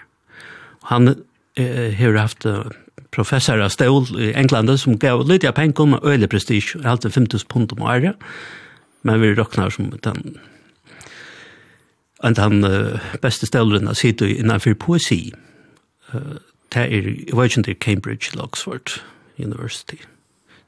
Og han var en, han skrivet bøker, tjukka bøker om T.S. Eliot og om John Keats og Milton og Nexarne, men ikke akkurat, men han som skriver seg i bøkene Bob Dylan, og han har sagt her at nå levande er Bob Dylan han som av hjørne som du best har brukat enska mal. Og det er smavis, og så er han uh, at, at han hevur so djupa og brøya vitan om bókmentir i mæren, så, så har han vært i tjøkken atlas han har også fyrir seg utgávan av teksten. Og det vil at ein sanger sum not Dark yet at han er bygd av en ikke John Keats, det har han funnet av at at John Keats brukar hatt året, hatt året, hatt året, hatt året, det er ikke tematisk det samme, men det er at är det han spelar fyris när Mauren så han då av vurstan och sånt ting. Kus poesin fungerar och han har skrivit av en kapitel om hur Bob Dylan brukar rym till öjläggen i allt. Och till mitt land att han bögen och han som Chuck Grail Marcus som heter Song and Dance Man som är Lise som man ser ordentligt kvar han kommer fra som iskär. Vi nämnde Beat och Janne til dømes i nutje sangren, Ulla Lynch, som handlar om Moria, John F. Kennedy, som heter Murder Most Foul. Foul, det rymmer vi howl, så hikker bare strukturelt, så er, så er han brukt så, sinter som oppskrift. Det er at du hever en iskjeng som er helt øyelig lenge, sangren katekran, og kjem notter, eller så Ja, 15 minutter, eller så Det er akkurat først en ischink. og så kvarv det inn i en ære. Her det blir det, altså, han blir öjligen en entertöka. Han oppnær faktisk som effekt alltid som Ginsberg ger i Howl. Mm. Och så er det kjent at han var fan av Rimbo en affær, og tar det omkring en symbolism som han, man sier, at det också sankon Moderne där til dem har han byggt en sank av Bouchna F. Scott Fitzgerald om Magellan Gatsby. Han sank nu The Summer Days. her han siterer Busher-bøkene. You can't repeat the past, what you mean you can. No, what you mean you can't, of course you can. Og øylen er bøybelig sitat, Salman er bein utjå gamle smette, og Østnes er sjankren nattark i Yet, som refererer til Can't even hear the murmur of a prayer, at det er sin tur gett jo i noen Østene. Det er atla tøyna såret. Så er det Stavlandek Shakespeare, Østene Nobel, fyrlesen som han loksens helt, for skal at for han for han først sier takk for det, han ekka. Han skriver så, gav han fyrir lester, her som han uh, viser sin respekt for Shakespeare. Og sær så faktisk man kollega jo. Og så er det sånne obskure tekster, det er en sang som heter Nettie Moore, som er bygd av en obskure ischink, 1800-talen, og så flere sanger av Levent Heft fra 2008, som bygd av en japanska biografi av enskon om en mafiamann. Og her er det sånn gode setninger, og sånn, han bare tidsdør. Og Han har sagt her anktig at han skriver gode setninger, så kører han til en av deus. Og så tar han tekta fram at så vet han ikke alltid hver til fra, så vidar han, og jeg heter Rika Sama, for ikke. Nu har vi nok noen sang. Mm det, det sier han så, han sier det ordentlig at onker spyr hver, hver fekst det fra, så jeg har alltid at døsen skriver i hentas hengen. ja, og så er det kjent at romantikerne tar eldre og tar yngre, særlig Blake, den eldre, uh, som skriver i Mr. Songs of Innocence and Experience, Det er Tiger Tiger, sangren om John Lennon til dømes, Tiger Tiger, Burning Bright in the Force of the Night, ofta siterer han bare kjente regler, og Og så, ja, John Keats, det virker som at det er en av hans her intes, og så T.S. Eliot, det her er veldig interessant, at det som heter Love Song of J. Alfred Prufrock, som enda vi at han får mann til strandene, og så hikker han det havet, og i frøsta eller fer ut i havet, og fantaserer med seg mermaids, at alt den er til har tja, sånn hafrøtten. Og han fløyer seg at han største sangren til land, Dylan, som øyter Desolation Row, Han endar ösni ut vi have og ten between the windows of the sea where lovely mermaids flow. Ja. At uh, han byggde det direkte av. Og han har jo kallat det for uh, folk uh, processen til at du processar tekster og så gjerst du denne regn. Det er å skrive at det er ikke at det ikke er ikke jeg finner på alle tøyene, at det ikke er en prosess av en tradisjon. Mm. Og det er det samme med musikken. At man sier til at talentet lærer og geniet stjeler. Nemlig. Og hvis det er japanske rithøndren, han selte nesten unga bøker, men 18 og selte han ordentlig mm. Så ble han spurt i intervjuet at uh, følte ikke at det er frekt. Så sier han, jeg har ikke hørt på Bob Dylan, for jeg minnes jeg har hørt en sang til Men nu har det fortalt meg hvor han er, og det er en større høyer. Mm. Da sier jeg sånn Robert Hunter, han som skriver tekster for Grateful Dead, han sier han har opplevd det største. Det er større enn å få en Det er at Bob Dylan har sett en bok til honom ved teksten, altså som han har håndskrivet tekster, så Bob Dylan bare tid så han skrattar henne så gjør, og så gjørs den sang, og han spyr, han sier at, og etter fra Nobelprøys, men at Bob Dylan stjeler en sang fra der klart, ja. Mm. Han är er stjälen, han stjälen ordentligt. Han spelar ett. Hvis vi skulle spille en Johan Sang her som mange svegna vekker her, mener hva skal jeg bare finne fremme?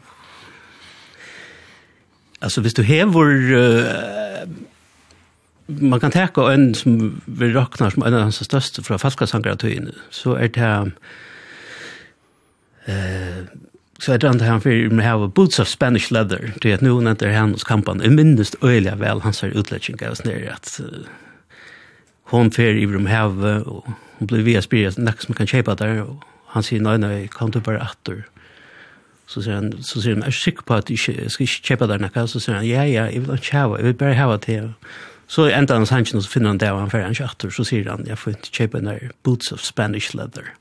At man nesten føler tilfærre og enkan av sånne teksturen og stilleven, det er helt veldig godt, og det betyr også til at nu skal han ut ut av gänka til at han först kände inte så rätt.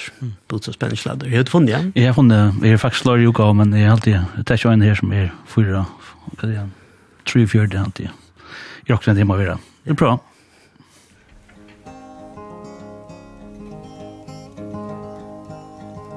Oh, I'm sailing away my own true love. I'm sailing away in the morning. Here's a something I can send you from across the sea. From the place that I'll be landing. Now there's nothing you can send me my own true love. There's nothing I'm wishing to be on in Just to carry yourself back to me unspoiled. From across that lonesome ocean.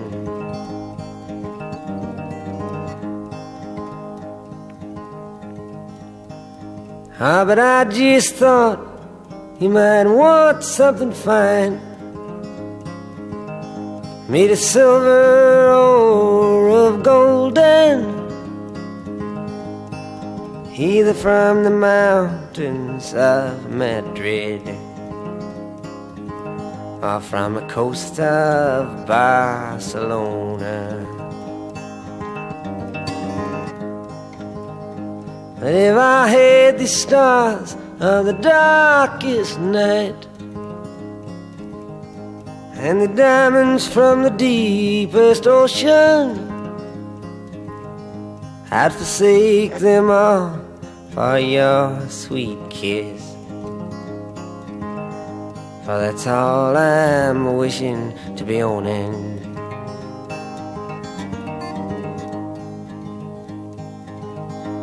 I might be gone a long old time. And it's only that I'm asking. Here's something I can send you To remember me by. To make your time more easy passing. Oh, how can, how can you ask me again? It only brings me sorrow. The same thing I would want today. I want again tomorrow. Oh, I got a letter on a lonesome day. It was from her ship a sailing Saying I don't know when I'll be coming back again. It depends on how I'm feeling. If you, my love, must think that way I'm sure your mind is a roaming I'm sure your thoughts are not with me But with the country to where you're going.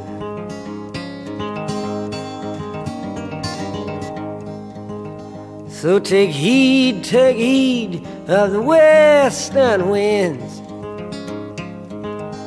Take heed of the stormy weather. And yes, there's something you can send back to me. Spanish boots are Spanish leather.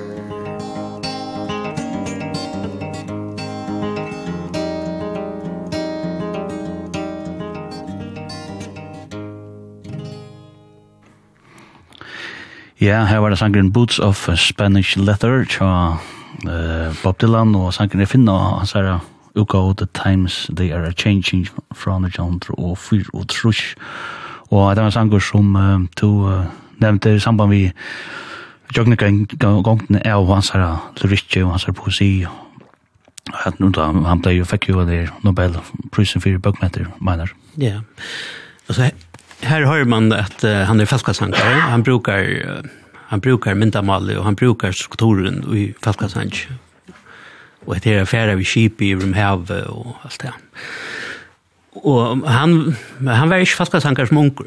Han blev falskasankare, han blev Woody Guthrie fan och så för han till New York och tar er uppstegen och en en scena som faktiskt var kapping vid beat alltså som vi snackar om Janne så beatkonstnärer og det lever tatt og pæt for en øren i en miljø her i Greenwich Village, her som heter kaffestående er våre og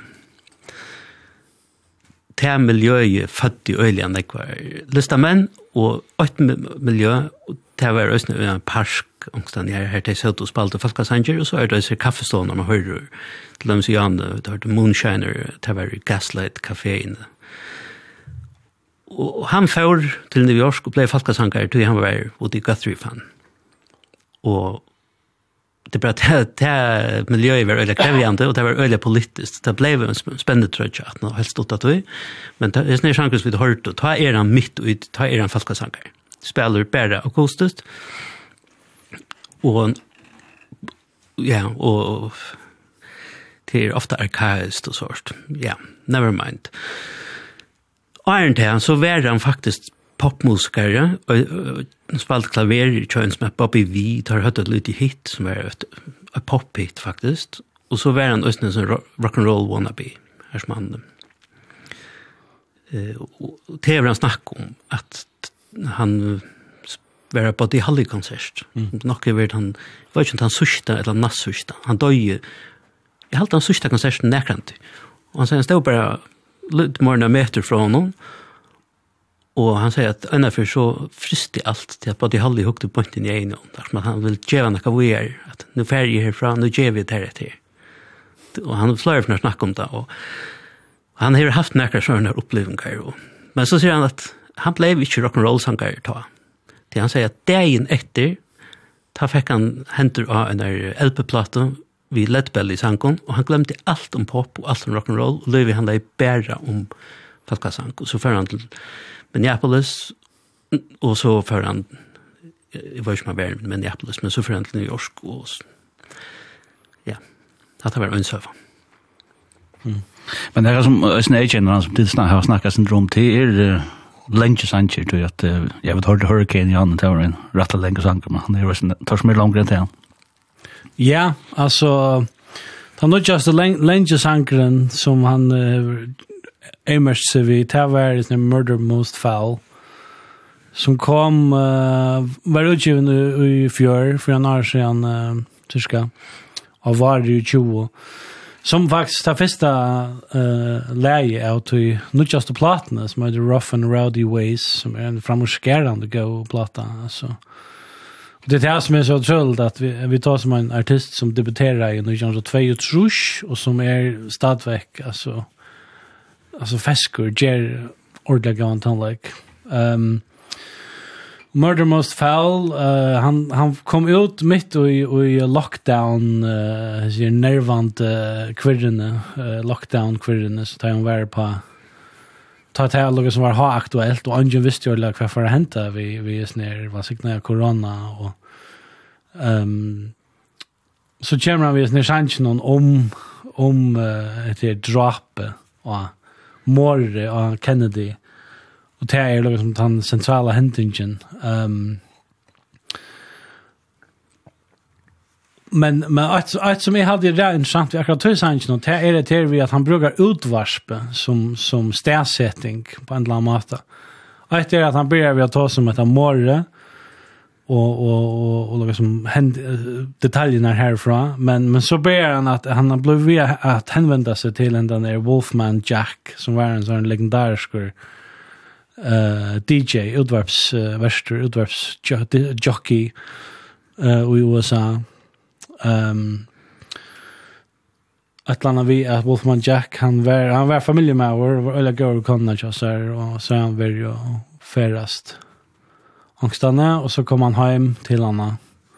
Han långt stilla hem var blev en sin äldre och så kom han hem och så smatt han om dig. Mm. Uh, men han nådde jag komma hem. Men han var en sån personlighet Wolfman Jack.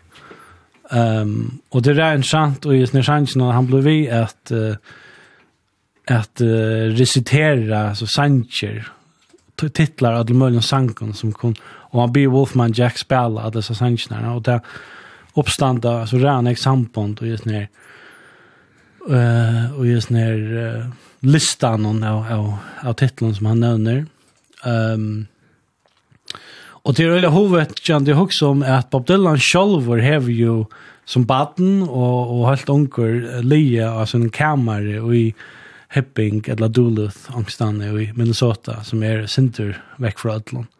Men han har legat här och lustat efter utvarsp. Radio, det er jo den större milen och alt som enda venter Ödlund. Uh, og i mån mentan og hvordan konsumtanlöker vil være uh, samskift och distribuera. Um, Så han er li här och och och lukar som harst Atlanta Town Legend från från Atlar verden. Det utvarsp er faktiskt en en forsett för att att att en som Bob Dylan kunde blå till. Eh så det är nog fascinerande. Så det passar plats vi uh, halta heter Hadjar halvfängar där och i utvärs det är det är det är en sån tjund och allt där. me det vet inte hur det är i framtiden, jag vet inte, men att bara sitta vid sin sin egna skutja og för veck från flow uh, flow uh, varspe uh, men uh, men uh, Det här kan närka, det här man döjlar närka, ser man på andra måte. Han kör uh, den där DJ'n till en sådan, nästan en profet, han, han, han tar sig här Ja. ja. Och man blir han hjälpa att kunna förstanta serverna så och så blir han spel, han tar sig inte, spel, han tar sig inte, spel, han tar sig inte og Snare Wolfman Jack er jeg halte han er firmynden for DJ'en i American Graffiti som tar George Lucas Arna George Star Wars mm. det etter Nemlig American Graffiti det er Amerika vi har trusjon noen av filmen vi har fjersen noen ja. han hikker 20 år du døgnet eller så ja, jeg halte best filmen ja Jag kan lukka hårt. Arna, nej, förut. Nej, också. Nu, nu, nu, nu nämnde du nudja platna, nudja platna tja, tja Bob Dylan som är alltid framåtskrivande. Och du nämnde det är Prophet. Ja, en, alltså nudja platna är en som sang som heter False Prophet. Och hos samma spalten spilt nudja sang tja Bob Dylan som folk hör och så. Klau höjdra, sant vad är listalliga. Mhm. Mm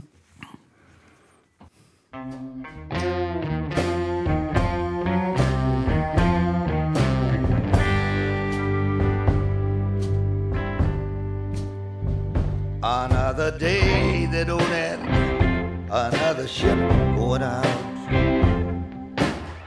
Another day of anger, bitterness, and doubt I know how it happened, I saw it begin. I opened my heart.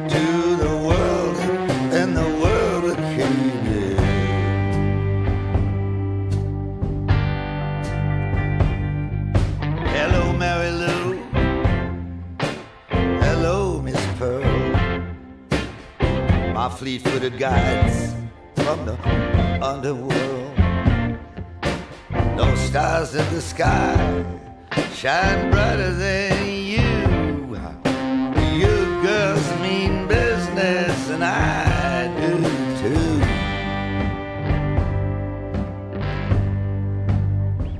Well, I'm the enemy of treason An enemy of strife. I'm the enemy of the unlived meaningless life.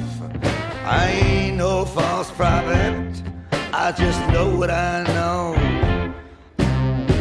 I go where only the lonely can go.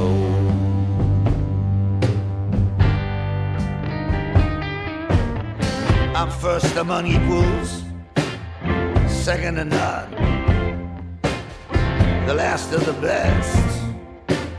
You can bury the rest. Bury them naked With that silver and gold.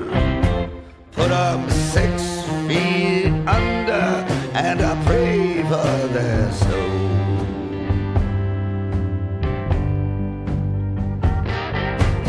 What are you looking at? There's nothing to see. Just a cool breeze that's encircling me. Let's go for a walk in the garden. So far and so wide We can sit in the shade by the fountain side.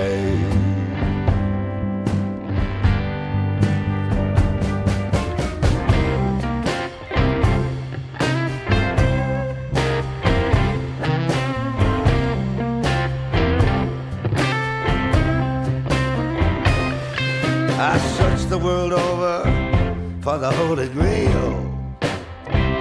I sing songs of love. I sing songs of betrayal. Don't care what I drink. I don't care what I eat. I climbed a mountain of swords on my back.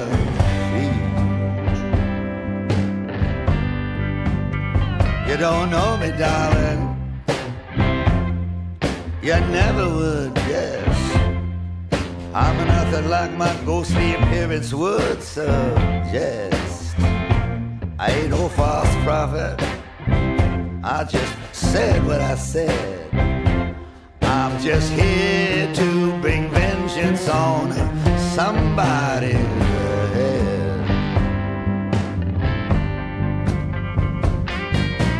what I should have There's nothing to hold. Open your mouth. I'll stuff it with gold. Are you poor devil? Look up if you will. The city of God is uh, there on the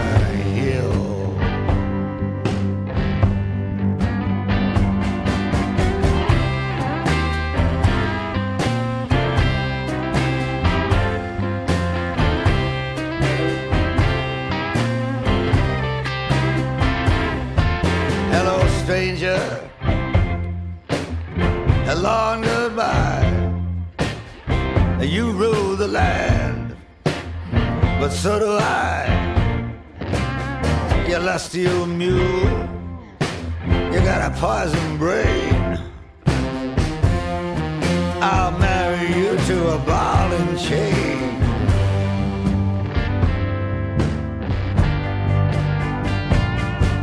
You know, darling The kind of life that I live.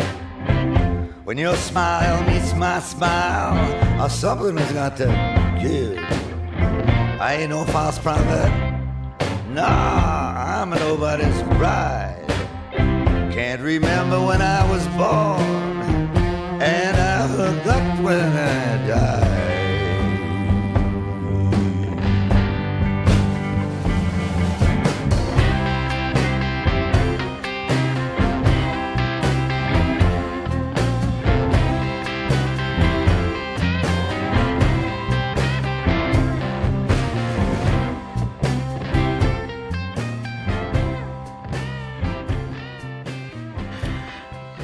False Prophet og det er sånne sjanken her og det var Bob Dylan som framførte og sangen han er at uh, finne av hans uka utgave Rough and Rowdy Ways fra i fjør 2020 og en platta som var øyla nek, nek røst og, men du sier Knut at uh, sånne han er lant det kan nek til han sangen nere eller så er det sier du også om det? Ja, så Bob Dylan er alltid lant nek så det er ikke nøyt til tog det er noe som, som uh, meiner sier the, the folk process Eh men uh, hans nær sangren False Prophet, han innehelder uh, gitar riff og, og eisne element ur melodinon ur en sanje tja en som heter Billy the Kid Emerson. Uh, han, hei, han gav en single ut i 1904 og besu han her på either If Lovin' is Believing. Så hvis man lortar etter If Lovin' is Believing og lortar etter false, false Prophet så er det angenivium mm. hver det kommer fra. Men hette er lengt fra fyrst og fär. Mm. Och ja, hvis man bare hever uh, hvis man bare hever hur han bodde möte så har man så skal man lycka til dina affärer og också se om hva er det hva er det som dette handlar om. Ja, til lort etter uh, Forever Young, Bob Dylan forsvar, etter her er en uh, føyngardags varsla her i utvarsmannen på hennes ur Studio 4, her i Sørstudutje, og som som det kan kunna så här vet det ser SMS skivan något något som är 2440 hvis det har och några vi mästingar och landa några Bob Dylan så som du gärna vill dela vi så så är det det välkomna skrivlockan. Jag så ringt till man nu som ofta citerar Bob Dylan då han helt röver och det är två eh Torbjörn Jakobsen borgarstjord i Runavík och ja Torbjörn hvis jeg skal spyrja det bare bort av, ja, god kvöld, god kvöld, hvis jeg skal bare spyrja det bort av her, så Bob Dylan, han, han hever holdt seg ut plass i tunnen, i hjertet, må man si. Ja, nu er vi fattar i 1905 tror jag, så ta en börjar, ta en først i 60 år, og ta, har vi ikke gått runt och lagt særlig han ikke mest til han, men Eh och så blev det för den ekva papper fram och i motor eh färmingar aldrig lära var ju så så så så blev det något som har blivit blivit tänk tänker ju om man för att få alla fyra öron en tog fullkomliga blöta pappen och vid de inte ser texten. Eh öre ofta och här blev vår Bob Dylan en av Timon som kom att här var mest tutning vill säga sälja tror jag att som som mycket är er han Hasbors ur i mitten talagare och som det som Berg menar Knut och Tove och Kari har nämnt kväll så är det här klimax som ingen annan och jag så chanken har rönt att vinna Nobelpriset og jeg fyrir fakra bøkmeter, så, så er det her lykka som eh man skulle tro att det blev en enda station men det blev det så inte akkurat det såna så där som som du spelar det, det har vi nu i haft i bilden och länge tog och, och har sparat om att rumma att och det lukar det lukar gå vi att som allt annat som han har gjort. och och som blev nämnt ju han ja, ja, la mig lukka lite här så att alltså vi det är några som som något som ekbur för som då en true grip en gitarr och och ta er Bob Dylan en som är nog så att komlig i mån til när när jag til där det blir till at Eh som Kari att tälja sig jökn när bok öjlig ofta så kan man og i gussi er til husbruk få akkurat rikka. Eh nu nämnt du uh, tar bara Knut och menar Johan om uh, Rolling Stones, like Rolling Stone, jeg er en svær spalter kvar så jeg valgte han, men uh, hans søvann om like Rolling Stone är faktiskt uh, mycket mer avvärda än det som kommer fram i kväll till det som händer är, är faktiskt det. Nu nevnte du det at, att, att ta och han för in i bojen. Nu blir han mer en metro, metro, metromäver. Alltså, och lägger Rolling Stone er lyckas som lörs där han den.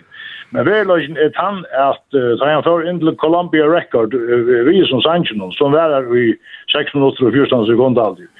Og mainstreamet var kommet opp ved at andre Sanger måtte være i morgen 30 minutter, og ta, uh, fikk han vite at det er et av gonger i Røvers.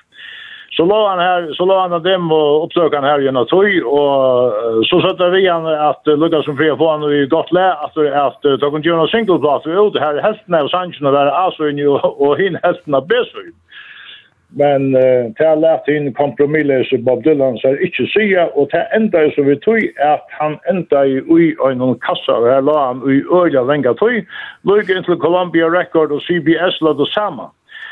Så ble vi med og setter til at uh, sortera ui uh, kassen her, ui man har uh, lagt alt det som ikke kunne brukast, og uh, så fann han uh, dem oppdøkna og lyska henne til en diskjockey i New York, og her blev allt så garvist av gulven at man begynte man började spela för Ötlund i Udarstöven i USA, kvar och i, och i, och i, och i, och i, och i, och Så det här var en uh, nok så lenge lag og så var en uh, tvinna med å si at uh, om så var at här her fyren ikke höjer funnet och i här her här kassan som skulle på en av sporter så höjer Bob Dylan kanskje enda som rytter under stedet for som den sangeren som vi kjenner vid det.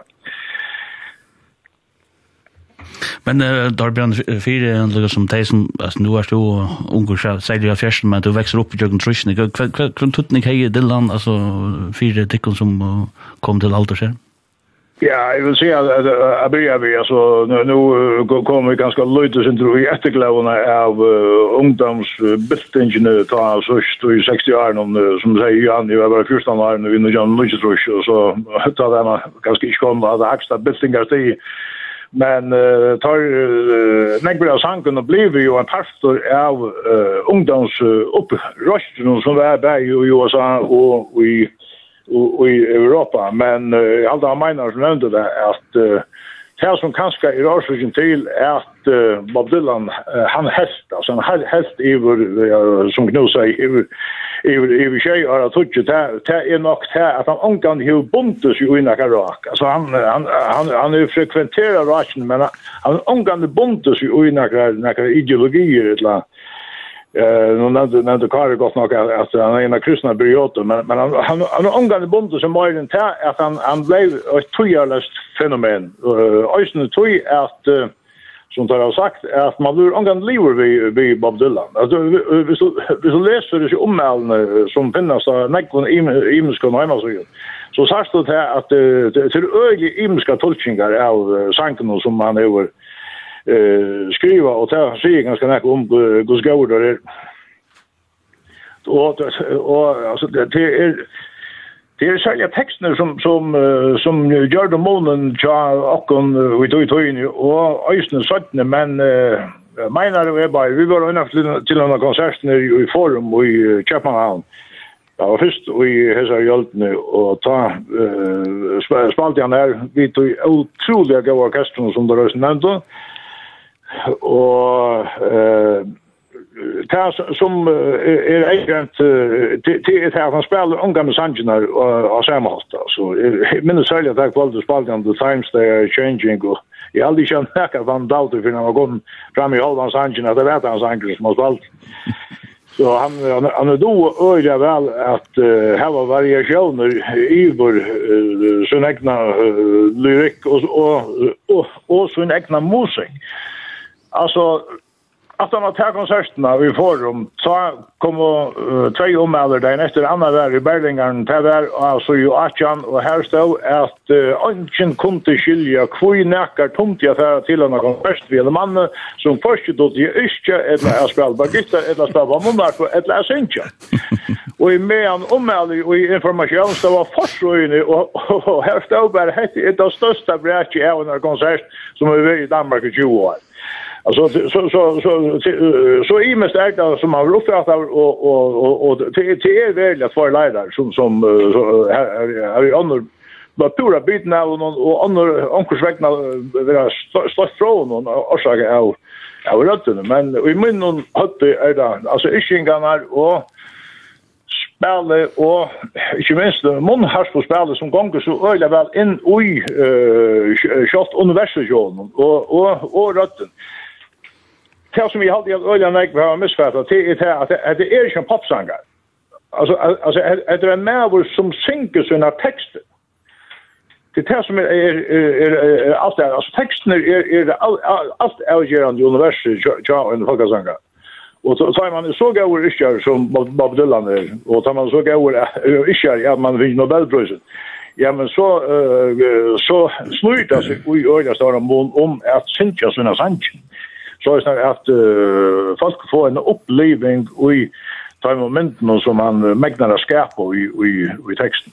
Jag minns att det har ett, när jag ville börja hatt en, en, Ett ørende som uh, sier åkken øyne jeg tar i vi det var det, det var det, det var det, det var det, det var det, det var det, det var det, det var det, come senators, congressmen, please heed the call, don't stand in the doorway, don't block up the hall, for he that gets hurt will be, he was told, there's a rattle outside and it's raging, that will soon shake your windows and rattle your walls, for the times they are changing at det er at det er at det er faktisk et tøyales ørende tøyer det er ver alla tøyene og til alla tøyer en tøy tøydraster og i midten politiske systemer og det er faktisk som ankers vegna skal styres av det politiske systemet Ja, så Sarsto han alltså han hejar sig den löjt låt ta just ner men men som du nämnde så så var han något att sen knutter upp att jag inte kunde titta så vi är för att vi men men men han han rakte näka helt specifikt och jag snart gör han den.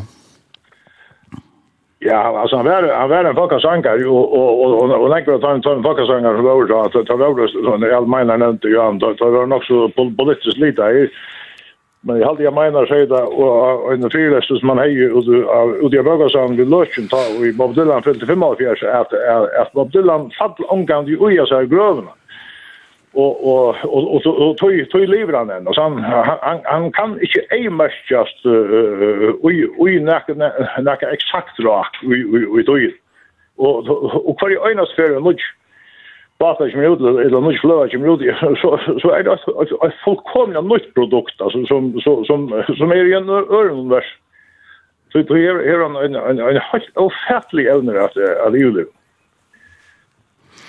Ja, tror jag att vi kunde snacka nek om att det topp men men du har en sällan sank här som du känner kunde huxa där Horst vi Bob Dylan och han är ju ensam att dra här. Jag minns inte jag jag minns inte att Jeg må bestemt at vi var i Sur-Afrika da i Østens Angrun. Det tar jo så av konsertene. Det var en konsert av Madison Square Garden i New York 16. oktober 1993. Det var samband vi at det var 30 år så siden Bob Dylan gav sina første platt ut. Og her var øyelige nekver som spalte sammen vi innom med landet Chris Kristoffersson, Steve Wonder, Lou Reed og Tracy Chapman, Willie Nelson, Chris Kristoffersson, Ronnie Wood, Og ett lær som jag hade gånger och det väl att du konserten till er My Back Pages. Altså, så så gick det första versen versen on Crimes on Flames tied through my ears rolling high and mighty traps pounced with fire on the flaming roads. og så kjem det, using ideas as my maps och så alltså det det det som man kører etter det som man sykler etter det är idéer och moment och option och så videre Uh, og uh, det som gjør at det her leie akkurat, og her så ugav også avhørst uh, fra konserten til det Bob Dylan og Roger McQuinn og Tom Petty, Neil Young, Eric Clapton og George Harrison, synes ikke alle for så dørende, og, og, og han ganger øyelig, man blir jo sikkert først kan danse, han ganger vel, altså her som ganger øyelig, vel. Så bara är för spännande här sen.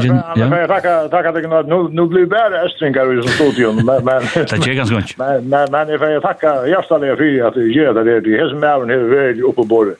Jag får ända nöjden och utarpa börjar kvart. Takk for det, Andra Bjørkamsen, og takk for pratet, og vi får spille her, sangen her, My Back Pages her, og det er Bob Dylan og Roger McQuinn og ærer som framfører, og framhalden en kvart kvöld toppen. Ja, takk for det. Det ses om, Lars.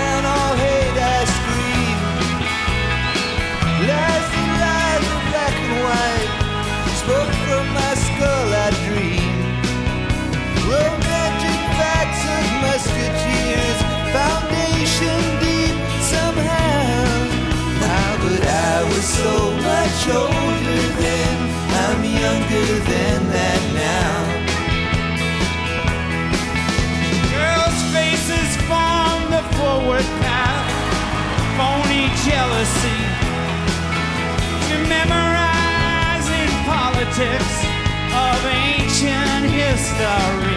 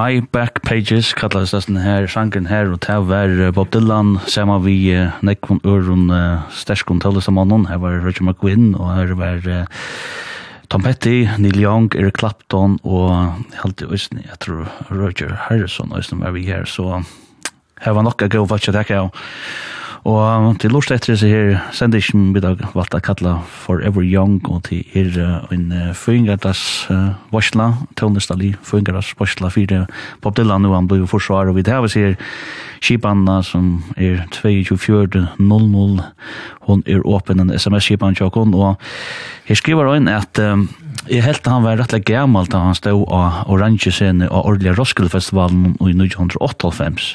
Sunne der var vær og Simmermann, han uh, var bare 38 år, han stod i en klatten ikke her, og fleste år han stod nere i gavveksten nå. Jointen er gikk hånd av hånd, og jeg heier nok, og jeg gjør, jeg ser nøy, og rett av å gjøre. Jeg halde meg vera rymlig fullteknan ui hans repertoire, men ikkje fyrir enn alla skjønna så det kjendes det ordelig vi, og ta vakna i avhøyra fjelten nøysene, og ta var lei blown in the wind. Så det her vi, ja, man kan sitte an lort etter man, høyra han spela dår, kjenda sannsyn, og man ordelig i grøyri ut da. Og Jeg skriver omkring røysene her at Bob Dylan er røysene en listamaler. Han er maler nekvar, det visste jeg faktisk ja. Han utstedde av Statusmuseet for kunst i Kjøpmanhavn i 2012, og da han fremsynet fikk ikke så gav ommelde. Vi er dømme til målningene rettelig vel skrives ned. Ja, kanskje jeg er sånn rekorden at det er vi konserten og ikke videre hva han spiller. ja, altså... Här kan man så se att, att Alltså nummer 1, jag har Bob Dylan av Roskilde Festival. Det var 2008. Och alltså av det första konserten av festivalen så är det ju där i miskvätt kvätt eh alltså som som sommarbalkar är gear på att heter festivaler och nu är det konfetti och lasarer och chubank. Nu ska vi fänka fjällarna men tar tar Jerry Bob Dylan inte han aldrig gör så tar han aldrig gör alltså Det var det första Bob Dylan-konsert, så är det efter, efter Bob Dylan sa Drayton, alltså. Og jeg ter vi at han har arbeidt vi, vi fraseringen av sangen så er han ena av for forsen Det er, det er et ting, altså det er det blev en, en hel syven jeg for se og, i, i søvn om Bob Dylan. At han, han skriver om det i Chronicles, i kjølbiografien Chronicles Volume 1, som er är en avbändning om att det här färre kommer flöjra och det här må gärna komma. Um, här skriver han om ett här vi att, att han, han fick en lära ett landa huskott om att göra ett sånt system här som sanchen är alltid var nutcher för han, alltså där han skulle synja där framför att där. För jag lagar som man kunna vara och i, och i, och någon eller eller det är så platt över någon men men men det är att att att han har ju hoa bara för ut och spela Sanger som tar ett rand när var blunner tredje år eller äldre och bara gärda på att han att han matan alltså att det skulle vara fäxt på några matan. Det skulle vara nytt och det ska vara det ska vara spännande och Ja, alltså, hvis man har fyllt oss in vei og, og lost et bootleg, så gjørs et heimarbeid, så har alltid det blir valgt til at uh, høyre hva det er som, hva det er for sanker, altså, som er spalt ut. Helt ikke det man er. Jo, altså, først for jeg var konsert på Dylan var i 8.5, men det var i forum. Ta hei i Horst, inni computerrummen av KOA, som det heter, universitetet i Amager, og det var ekstremt vanlige ørmerkvåner, men han er framførst av Grammy. Og det som jeg hørte, at han spalte Sanji Lovsick, jeg ville høre det atter, jeg ville høre det live. Så før jeg konsert, og han spalte Lovsick, og det var til jeg om, bare ta var ikke en billig ørmerkvåner, ta var det. Uh, hatalærer, altså Flore og hatalærer. Mm. Og jeg hevet her fløvene, nu tog jag utan att men ta fick jag ett upplevelse vi flöjer sjanken att jag kände slash att det passar mm. men det är hit här känt men ta fick jag ett här upplevelse hur så fäsker en sanker alltid är att mm. det han sang blown on the wind att hur så öppen allt av är och hur så det skulle levanta vara att man sa nästan fjällen stödde sig i hav mm. Jeg har en er gåa om konserter. Knut nevnte jo Aarhus 55. Ah, ja. Sist man var her, ta snø, jeg halte jævn og Elspeth var det. Er alltid føringer. Jævn til det, og ja. Elspeth, ja. Uh, I 2002 som toppen nevnte Johanne, da minnes det at jeg møtte ham noe for Kubik Kleist, i toppen, de var jo akkurat. Og kveld til fire, jeg landet i utbyggnad fra Syrentene, Bispe Bjørk, kveld fyrir klant tutsi ta heita benka på. Det skal helst ikke benka på, da man er uibu og hamager. Det var da sånt kveld bygda dronker. For dronker. Jeg ble drepa mitt. Men det var da kona min og mamma min som stod i hårene ta var det hent at jeg arbeidde i Freknund da, og det var en kapping om at uh, han som vann, så kappingene, jeg vet ikke hva det gikk ut på, han som vann, han vann en fyrt Danmarskar, og uh, konsertkjøp opp Dylan. Og tar håpa være på at det var onker som ikke vi blei å gjøre, så sa jeg Maria Marsten Klaksvika, at det er omgang i Horstom, så tar jeg øyla gleier, men det er vermeor mun. Og hon gav døttrene i gøtta, og være med over henne. Først er Bob Dylan billett. Så det var jo mamma min, kona min og syster min og jeg har konsert. Det er en pen fitt søv. Absolutt. Absolutt. Det er det er nek man kan sagt vi faktisk også onkel skriver her som en 12 år gammal fjepper gjerne vil høre thunder on the mountain men jeg har ikke den angel legend the ship on verre men så fuck så bøttene nere 12 år alter det kan også godt relatera til Bob Dylan etter at landa dømma det det nok sier det Det er godt å høre. Det er godt å høre at det er liksom stafetten ved Jim Boyer. Hva er det du har pratet om at du spille med Tell Nøyk videre og Klockan på och Jag nämner åt det är han säger malare men han är östsvejsare. Mm. Han svejsar Porsche. Jag vet att Bill Clinton fick ett första gåva lock short. Alltså inte ur land någon svejs men Nej. han svejsar. Ja. Listaverk ur okay, ja. metalle. Så är han ösen college i Jakob. Tror att han gjorde en radiosändning. Jag hade han gjorde 100 trusch pasta eller så. Mhm. Som heter Theme Time Radio Hour. Och är han spelar gamla tonløk mest, og tematisk utvalgt. Eller goda sändningar. Hur kunde höra? så Tar jag se att det var en inspiration till, till Arnells. Kan man se det? Jo. Upp. Nej, fast. Ja, man, hvis man leter nå väl så finner man der, der, der här var, ja, der här var en så og så gjør, der er, här gøyere, og her nekker gøyere vittigheter, stortlige sover, og, mm. Ja, det er godt, godt utvarsp. Det er det. Ja, apropos utvarsp. Ja, men uh, hvis jeg skulle spalte en sang nå, hvem har du ikke spalt det? Nek, og han er øyne, ja. Nekka kjender som ikke. Jeg kom til å si, han er øyne, han er øyne whisky til stille røy. Ja, han Bridger i øyne. Bridger i øyne, ja. Heaven's Door. Ja, og han er bokser og telvar. Og bokser og telvar. Alright. Og han er trampolin i havan. Så skal man ikke vite, men jeg leste den der. Var det också som ett inte mynte paparazzi mynte eller så? Sikkert. Vi snakket jo för för i kväll om at her vi nek som helt det att Sanchez var best annars bald då och vi tar faktiskt snacka om att vi må høre den här All Along the Watchtower i Hendrix utgåvan. Ja. Skal vi ikke takke henne? Jo, tack om det gott. Ja.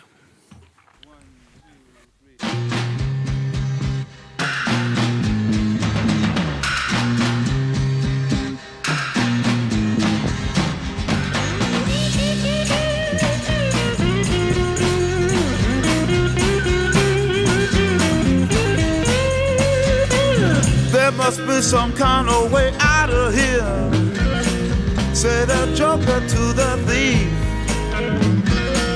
There's too much confusion. I can't get no relief. Businessman there, the drink my wine. Plowman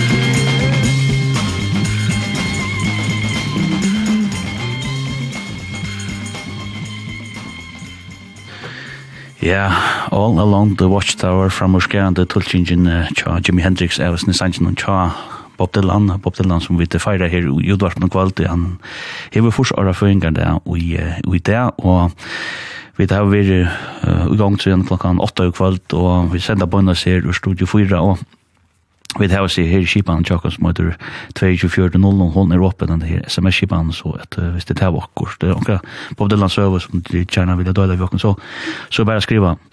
Og jeg har Maina Jensen og Knud Haber Estelstein Kjamar her og ja, nå er det her vi, vi, vi tar sånn om og fyrir kveld om han her vi at nekva og just nekva tøvnes av folk og gjørst gøy og tulkingar av sangen og tjøen på Dylan og ångtu kjem nok anna fram ut dem som man kanskje ikke ser opprunal eller så opprunal vi de ugahan som Bob Dylan sjálf kom i Ja, ja, det her er klassa dømi om det vi Jimi Hendrix, han tulkar All Along the Watchtower. Um, Bob Dylans egna versjon er nok så spartansk country orientera av John Wesley Harding platten her, som han faktiskt reagerar under mötres när uh, psykedeliska flower power ratchnon summer of love shaderish han för en helt annan väg.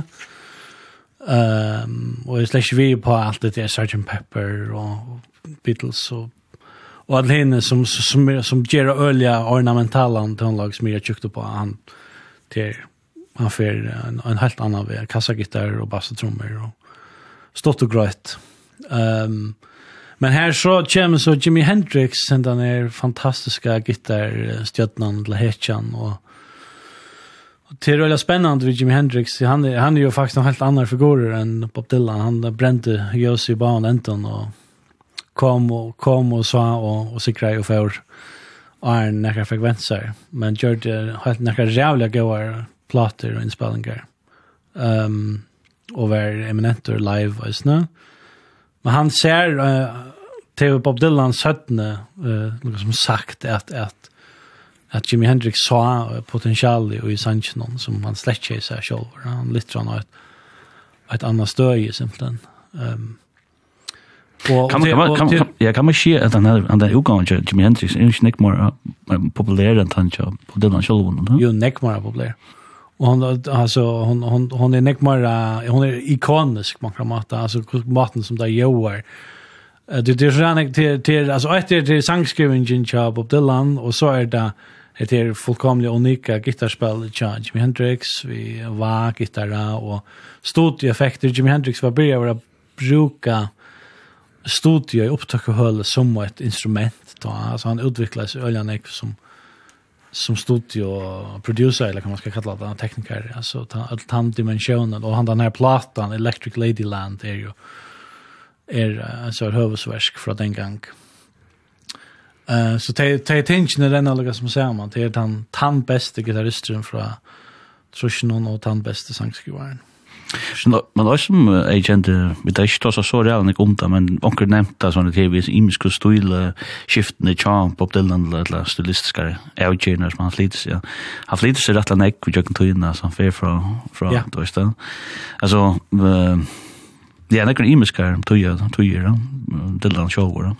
Ja, ja, så han, har han, en, en konstant uh, menning i gangt, Um, här som han ankar i ankar är han lugga som totalt och och tror vi tog han då alltså folk uh, protestsangar tog jag ska ju och så blir han elektrisk och och all folk i falskna blåa sur och och han goes electric och det är Europa Jutas ett sån konsert och han vänder sig vi och så play it effing loud. Så launchar going to vi like Rolling Stone og Og så til dem John Wesley Harding tar han slett ikke vi på Flower Power bildene, for han som egnet vi, og så fer han til Nashville og gjør country, det som jeg mener til å si om vi country rocken og um, og så eisen tar først til fjersen og tar han en familie med vår og lever et øyelig roligt liv og og gjør vi sånne, men jeg synes det merkelig plater ut, eh er det Dylan som heter eller self, self portrait eller ja. Men akkurat han platan Dylan det här var platt och fel i som kan ha ut att han för rich någon ja nej här tar funn och allt allt det vanligaste tar helt så kunna finna och gå ut men self portrait till Dennis han han alltså jag halte av Grail Marcus som skriver i om alla första sättningar var what is this shit?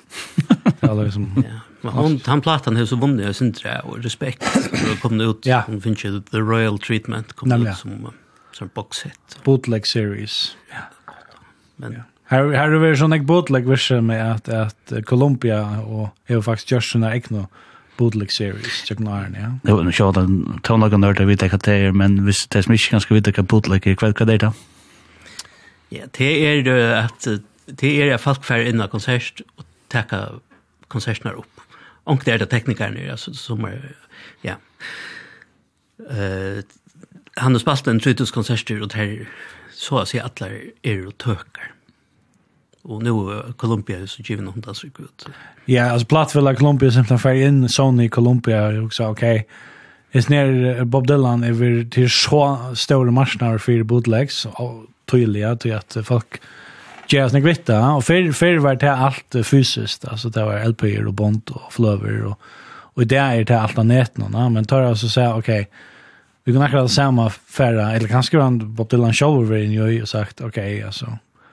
Vi kan akkurat samma själv, geva det ut ordentligt väl och få det remastera, och få det joas väl som och så gör han flotta inpackningar. Och så har det Justice är bootleg series som är som är fantastiska. Alltså det är sådana egna tillfällen. De första kom ut i en av fem slags Här var volym 1 och 2 och 3 och, och här var flera sanger som, som var lika som alltså uppenbaringar. Alltså Blind Willie McTell och Som han ikke gjør ut, eller som bare... Ja, som han ikke gjør ut, han ombestemmer seg, tar i forsen, forsen er kanskje det mest uh, Rittlandet tog jag ska ju så lista det. Så här som uh, moonshiner som det har du så mycket. Ja. Nämligen perler som... Så er det her, ja, så er det. Alt er ikke så single material, det er jo det er sånn jeg imest som man kan uh, innspille, så henne veien. Jeg husker skulle man høre den her Blind Willie McTell, sant ikke? Ja, det er flere som sier at det er den ultimative Bob Dylan-sangren, mm -hmm. særlig til at, at han er så ekstremt... Uh, vi tar seg om den her ufoklafer, men det er alle. Ja. At uh, han steger kjenslan som er... Ja, så hvordan er det der? Hæ? Hvordan er det der? Forklare det, sant det? Ok, ja. Sankt nå er det Blind Willie McTell. Det var ikke han du skulle Jo, jo. Blind Willie McTell, at det er en blues... Tandlager fra Torstaten, som han døg om det her tøyne at Elvis kom fram, men han uh, kjørte sin uh, beste platter i tjonen, og han... Uh, Han bor i Sorstaten og han er etterkommer til Trælund, blinde med over, og ångte var han vatteligjør, men annars ångte prætka igjen, og det var det nekka tog kjem fram, og sånn det er så høyt det er i Sorstaten, altså man fer og så stegar kjenslo, altså mm. myndene er flashardlige, og så kører han noen til Jerusalem og New Orleans, og eh, det er veldig potent, ish, mm. altså, vel ist, og det er fløyre av de største fjeperne sier at, at snære sjankeren kanskje Desolation Row, og nekker er kunne kappast om som at vi er den beste. Ja, men at er ikke så attvendende tema vi, vi alltså att det vid Jerusalem och, och New Orleans alltså alltså göta jödiska folk och eh Exodus eller kan man kalla det och så till svårst då i USA och och så och Highway 61 allt det. Jo, och den där om og och testej som det är Mm. Så tar Desolation Rose som börjar vi they're selling postcards of the hanging the George Day. Det är förfilkningen av svårsten i Amerika så ångte för det 150 och ångte på tre. Så på det att du kjørte alle postkort selte kiosken. Mm Og i tjondalt. Ja, fram i tjondalt, ja.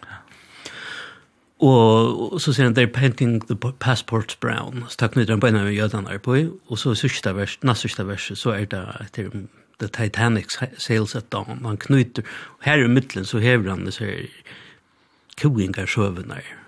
Man sier det omgående på en løs i året, men enda så er det Titanic, det var skipet som fyrir ur Europa og til Amerika og søkker av ennå. Mm.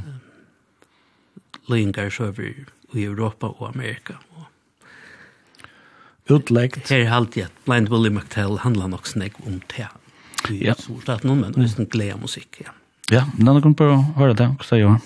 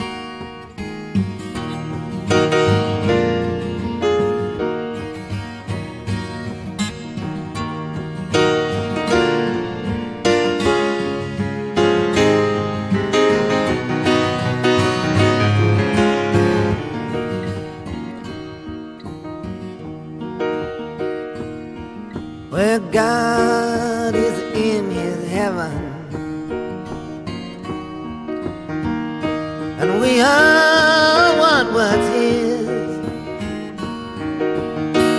but power and greed and corruptible sin seem to be all that there is. I'm gazing out the window.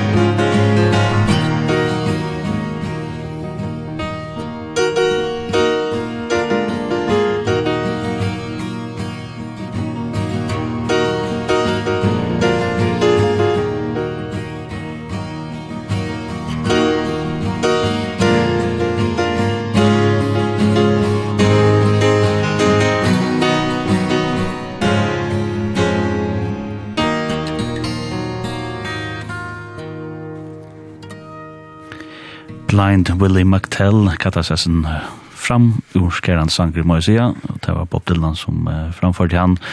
nu vet jeg, her var helt en uh, føringar der for uh, Bob Dylan her i Studio 4 her i Udvarsmån på Nøys.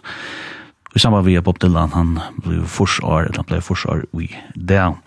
Og vi har haft det her, her sms-skipen, og dron, henne har haft åpna, hun er 24.00 her, har vi skrivet noen folk inn, og Med landa så skriver onkel her at uh, Mian Hatle Johansen spiller biljard, så spiller uh, Meinar Jensen, Knut Haberg, Estestøyen, Underløydstein, Bob. det er så det. Uh, så sier han her at om det ikke langt av å ta som røttene, så er det hjertelig velkomna ta som henne. Det har jo gjørst, men uh, hesten er heldig så at, um, hon, at han er, Bob Dylan er en ometalig og sangare, i halde han er beste sangare nærkant. og ja, det er så det, det er sånn mening. Men det er kanskje ikke akkurat det som folk ofta sier om han, at han er den beste sangaren. Og han skriver her at um, Hei, jeg byrja ikke lort etter Dylan før jeg kom opp i trua til årene. Lort jeg nekv etter hånden og koven av nottarvakten og i Norsjøen under syne tøy, og han er bliven en faste parster av tennløsene lort etter i det. Gå lista, gå list for noktas ikkje, kunne de spela Make You Feel My Love, og snir takka fyrir sendingina, og vi takka fyrir uikaste, og det kan være at det er at nu vi fyrir rundt det, og så kan vi blekka ned sannsyn og nøysene, hvis vi finner noe i kibane. Så jag det vi kom ner till att vi där snackar nu så egentligen åtta nu. Men skulle lösna men skulle lösna i sanko och larbo så kvar så i morgon så vi får runt av här men jag knok hur så vill du runt runt till det av här och då får jag den chip upp till någon.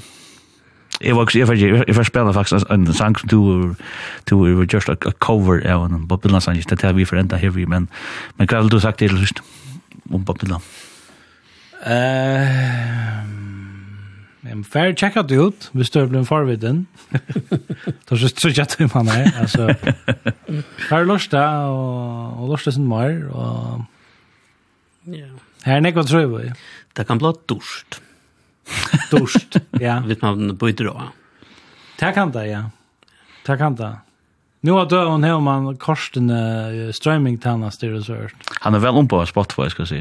Ja. Han er ordentlig vel ja. her. Her er nekv tilfør. Nekv tilfør, bare, ja. Altså, studieplatene og bootleg series og live tilfør, hva skal jeg si nå. Det er nok så rottlet, da, jeg synes. Det er alt som har lukket rottlet. Altså, Ja, hva skal man säga? Men det ser också så spelar en spårning här alltså nu har fyllt han fors nu men alltså krävs starta fyra för det Hva krävs för Bob Dylan att göra nu. Jag såg det han lever inte alla över det gör så inte men uh, men hva krävs för hända John Curran bra i, eller hva ska ske? Alltså han var ju alltså här turnén och i neck var som kallade faktiskt nonstop från Sista forsen, och var det åtta fors som började, som journalister kallade för The Never Ending Tour, men... Mm han helt själv att det var sån där hugg med åt. Ett upp det som du säger, han får ju turnera allt ju. Och han Angela kan lever allt ju. Ehm, tänker jag spurning hur det hända. Han gav så kus han gav platt ut i fjör och så Iron Tag Jordan så här evergreen eller standard plattna vi just standards. Alltså man visar då ett helt tojarskaj som som han följde var sånt undermätt. Ehm um, Ja. Eh. Bästa listamänner blev ofta vi till där enten blev Mm. Alltså missa vid skil eller dodge. Alltså mm. Ingolver blev vi över går och Michelangelo blev vi över går och Picasso blev vi över går. Johnny Cash var det som går. Ja, ja, ja. Det blir till alltså Cohen ikke minst. Ja, han var det. Ja. Særskilt derfor jeg mener han kører til, til sista. Alltså han är helt extremt uh, aktiv och og ved atla tog, så vet man ikke hva det Jeg vet ikke, man, han kan finne på å bare bli bla med ord for å bruke penger, eller Det trykker vi ikke, men man vet helt ikke helsen og... Nei, nei. Altså, han sa døy unker, han fikk poli og alt det, og altså, han ble brent og kralt rush, men mamman, hun ble, hun forlengt opp forsene og var ordentlig vel fire. Mm. Atla tøyene. Jeg har alltid han å leva sunt 17 år, men han har jo ikke alltid leva sunt.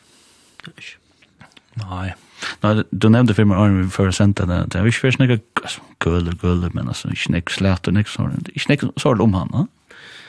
Nej, han är helt korsen att så här och att han kunde band som han fick att spötten vi det helt så inte.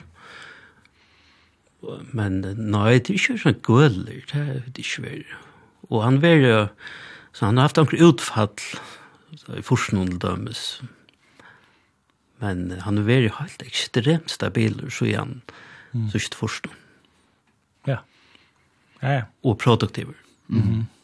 Jeg ser, det er nok stått til søvann som Robert Plant, han har en podcast som ligger ute, og sangeren Led Zeppelin, og ta i Bob Dylan, og han var Roskilde samståndes ui Achan, Achan, er han, var han Nujan? Mm. Han var i Roskilde i Nujan. Nujan, ja, Nujan, ja, da var Robert Plant også, ja.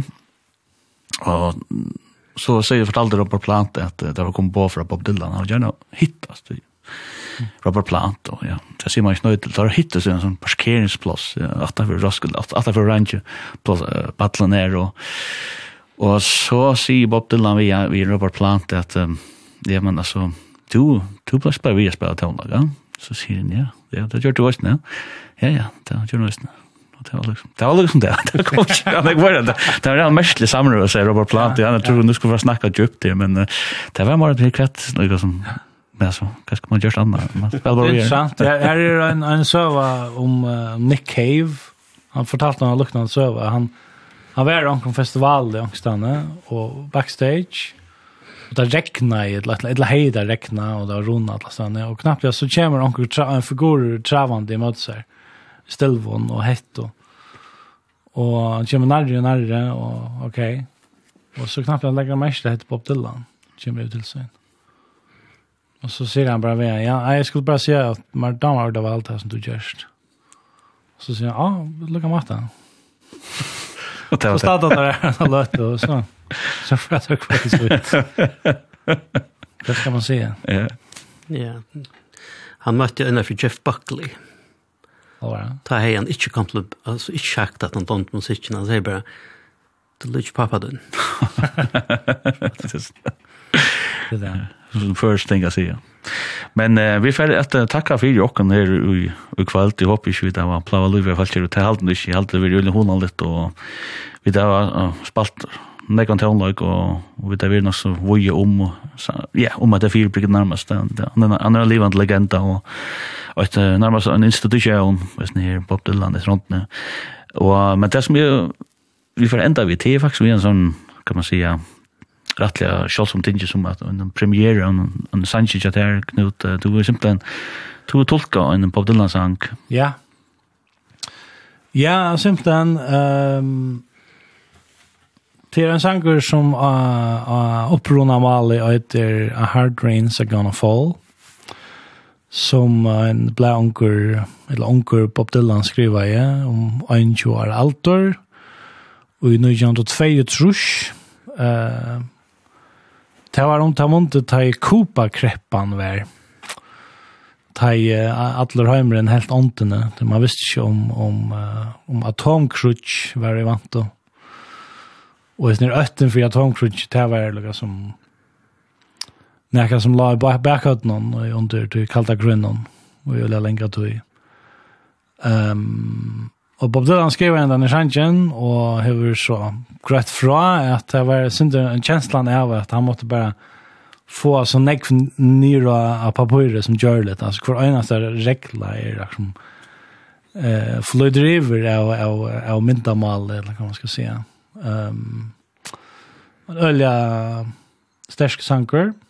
Og jeg mener, hver er det utrolig når man kan skriva en sånn sang, når man er øyntjo, altså, hva gjør det etter jeg var øyntjo, da skriva hos ikke noe her, sånn, ikke nær noe anvendt. Um, Selv om jeg skriva sanger, så gjerne var Ja, om det var vondt, jeg lærte jeg spela Blown in the Wind, faktisk. Det var sånn, man lærte seg trutje akkord eller fyra så började man skriva sanger så. Ehm men ösna för sanger eller det. Ja, ja.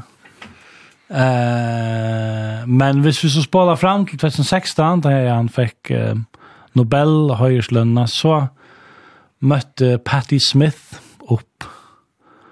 Han blev bare en sinja till Nobelhandarna och hon det så jeg var hun yngst sinja eh uh, Hard Rain Uh, Patti Smith er jo, hun er jo over parster, hun er New York miljøen, hun tjuv nekva plater ut, fralika plater ut, og hun er iskjære, og katolikk, er opprunna, og hever lukka som sin vinkel på tingene.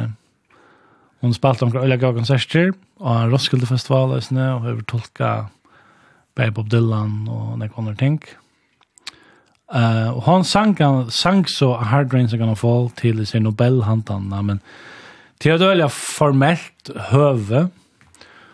Och jag minnes nämligen att jag hukt i ett i Kärnplån att, att maten som hon stod, hon stod på vi piver en sån kante så var det högt i fire, och orkester och var till den svenska kongafamiljen och till öjliga funt ödlösen styvaste busse och Ehm jag också att man var öliga intimiderande höve att spela, att synka. Och jag skulle liksom skulle få att hans handsken liksom ut ur sig själv. Och det hände faktiskt just det att, att hon, hon miste sin Pippi en av vägen. Alltså hon fick nerver. Och, men det gör det faktiskt det så här handan innan han ikke mer, det ble mer vidkommende, det ble mer menneskelig, det ble mer rørende, at hun måtte faktisk stekke av, og bara avsäcka i Malaga sommer med å bli omater og så hørt. Og så så eh uh, fullförd ju nästan framførselene. Ehm um, Så tag jag og tag jag och helt anna. Eller tag jag och löten något något så starkt. Så skal man lägga som kiksa. There's a crack in everything. That's how the light gets in, say, I shower. Mm Leonard Cohen. Det er min folk, Patti Smith og Bob. Ja, hun ble åndsja, og ta tjekk om fire, hun kom ikke ut og på. Och og ta vær han og grannar, som ordentlig takk seg jeg henne, fikk han ut og det var ikke man vi var turné lag kvett, men det man så eller pena søver om, han hever henne, han er snarere altruistiska så just. Mhm, ja. Og han så vilja, han var ikke opp sjalver, ja. Uh, men hon, hon var han som liksom tog till oss och gjorde det öliga väl. Och det var det var ta slå med väl att att det var akkurat han sangren som blev Walter till att uh, han sangren har fyllt mer och jag länkar till uh, haft en helt särstakan tutning. Og en av fyrir i tøyene så, så fann jeg så det av at Rauwe Petersson hei omyrst enn den sjansen sannsyn til først. Um, jeg har alltid satt og i sjønvart nå, det var noen senting for nekken år siden. Uh, det er ikke lengt fra at Samar Ransfjall fram, framførte sannsyn, og Rau Pettersson grødde fra hvordan det gikk fyrir seg til han om Myrstjan. Um, og så fann jeg han søttene og Jankron blei fra, ja, fra 1988. Eh, og han er så, ja, og så skriver han, ja, og heter, heter Arren, uh, man, man har telefonen lomman og bare kunne ja, fotografere et eller annet ett eller annet. Jeg har også skrivet sangen nu og haft han litt kjent av teltene. Har ångte framførst han, av førskolen vi kassagittar, og sen sammen vi Peter Pelsson, akkurat vinne. Um, og jeg har og i Jøkken Arne haft en atlan om, eller en, en, et innskjøn av vevn om å kunna gärna versjøne sangen innspillene. Og, og, og nå tar vi så far i halvt vi må inn av som här är allt först texter kan det säga så mycket. Här som är att skriva helterna och och hin helten är eh Ishingar til Øron. Och här uh, tar vi väl liksom var kom det också väl live i innspillingen, så grötte jeg hinnon i balchen från Fries ner till Mortensen och Per Ingvaldur. Høykord Petersen og Mathias Kappnas, og så Benjamin Petersen, og tidlig åkne opp, og så grødde dem fra oss ned, ikke noen om at jeg vil gjerne innspille Ta Øtnen Brester A, som er uh, versjonen av Røva Pettersson. Og jeg har jo faktisk akkurat disse, disse her frasøktene, Fyre Timen, som jeg akkurat har for dekken. Uh, og det var der vi på, og Og det gikk øyelig kjøtt. Det var ett vei, tror jeg, så at vi finner jo liksom grunden i kassan, og Ja, og så tar vi Roa Pettersson och han så Eisen fra att att det var i i sinnes rørslo att han ommerst i enda sannsjen. Og i 84 tog det til till att eh Magnus Dam Jakobsen ritunden han døy och det var en stor kjelkur. Och det var liksom hans reaktion på det här. Ehm um, Og ja, det er snakk som man kan sagt at jag men nu har vi Sunchan og Innspaltan, så jeg sier det alla som er her. Ja, nemlig Ja, Jeg jag bare et lammen. Ja, vi precis. Ja. Och ja, Og vi er nere så færre vi bare at um, Rondell vil gjøre for å takke ting på en uh, som mulig er fyrir at det vil takke ting til det der til at um, jeg helt av er på så plass at vi kunne halte sin løtt ned og feire på til landet når han ble fors og, Skal jeg si ja. at det er ikke 100% liv nei, nei. det heter ikke mastra den mixi er, er øyla tatt på over livet men det er ikke 100% livet Og ikke at høyde en platt, hva skal være det? Kanst du elva det? Ja, det er det jammer. Ja, og ta videre så snedsanken har jo vært til den her Dolchichen Cha Knut Haberg er så fortsatte vi å spille Dylan til nok fram til midnatt, så det tror jeg ikke grunn til å sløtje at han har det. Men uh, en annen fyrtid var hjertelig takk for det. Takk selv. Takk. Ja, og til lukke vi Bob Dylan. Ja, som løs. Ja.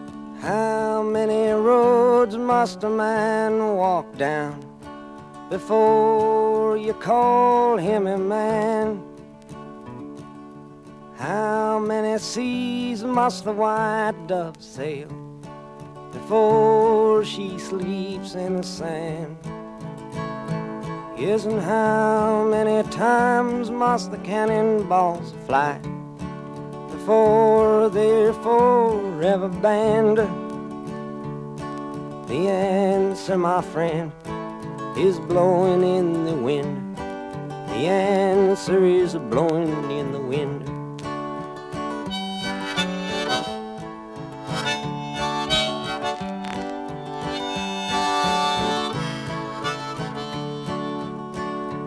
Yes, and how many years can a mountain exist before it is washed to the sea?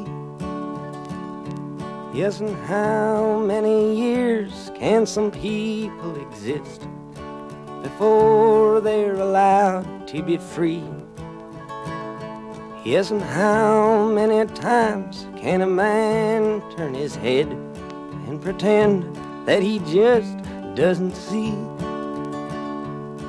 The answer, my friend, is blowing in the wind. The answer is blowing in the wind.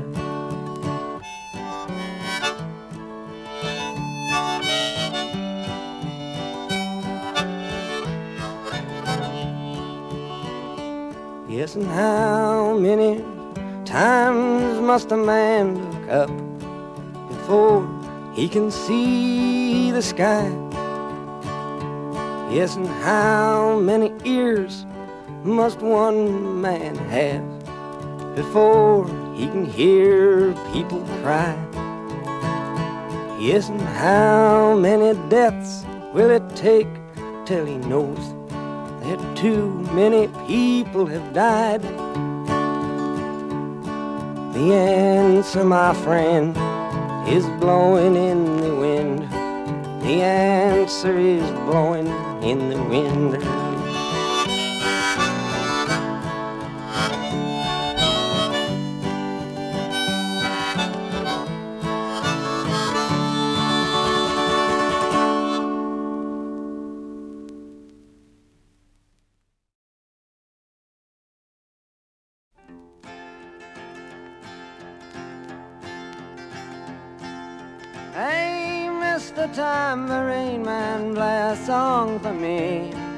got sleepy and there's no place I'm going to Hey Mr. Tambourine Man play a song for me In the jingle jangle morning I'll come following you Though I know that evening's empire has returned into sand vanished from my hand. Left me blindly here to stand But still not sleeping. My weariness amazes me. I am branded on my feet. I have no one to meet And the ancient empty streets too dead for dreaming. Hey, Mr. Tambourine Man, play a song for me. I'm not sleepy and there is no place I'm going to. Hey Mr. Tambourine Man play a song for me. In the jingle jangle morning I'll come following you. Take me on a trip upon your magic swirling ship. My senses have been stripped. My hands can't feel to grip. My toes too numb to step. Wait only for my boot heels to be wandering. I'm ready to go anywhere. I'm ready for to fade Into my own parade. Cast your dance and spill my way. I promise to go under Hey Mr. Tambourine Man, play a song for me. I'm not sleepy and there is no place I'm going to. Hey, Mr. Tambourine Man, play a song for me. In a jingle jangle morning, I come following you. Though you might hear laughing, spinning, swinging madly across the sun It's not aimed at anyone. It's just escaping on the run. And but for the sky there are no fences facing. And if you hear vague traces of skipping reels of rhyme To your tambourine in time It's just a ragged clown behind. I wouldn't pay it any mind. It's just a shadow you're seeing that he's chasing. Hey, Mr. Tambourine Man, play a song for me. I'm not sleepy and there is no place I'm going to. Hey, Mr. Tambourine Man, play a song for me In a jingle jangle morning, I come following you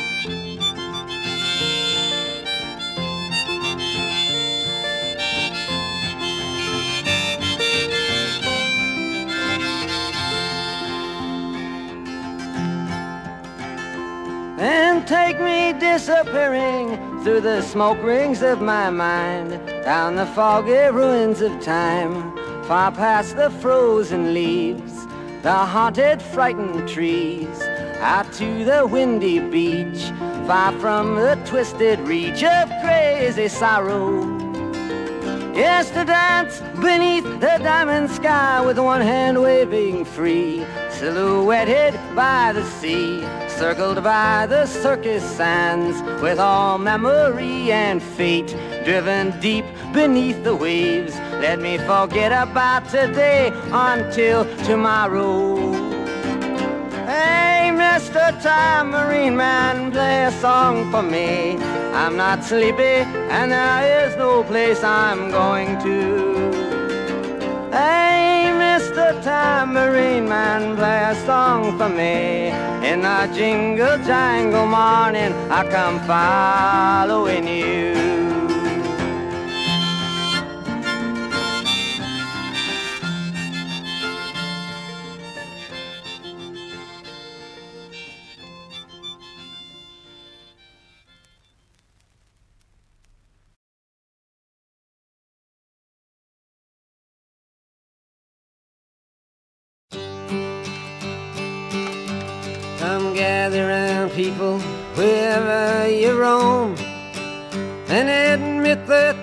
waters around you have grown And accept it that soon you'll be drenched to the bone. If your time to you is worth saving Then you better start swimming or you'll sink like a stone. Or the times they are a-changing.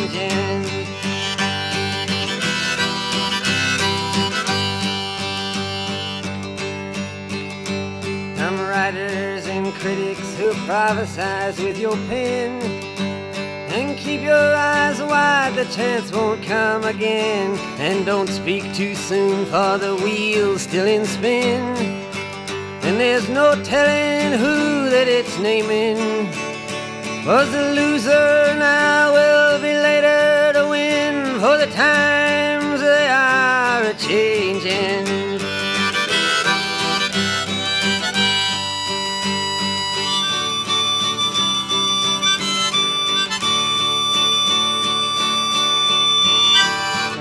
senators Congressmen, please heed the call.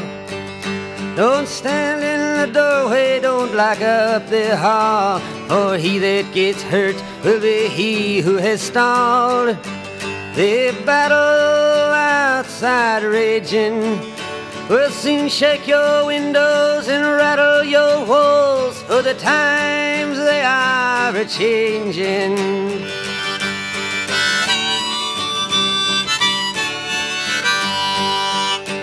and mothers and fathers throughout the land. And don't criticize what you can't understand. Your sons and your daughters are beyond your command. Your old road is rapidly aging. Please get out of the new one if you can't lend your hand. For the times they are a-changin'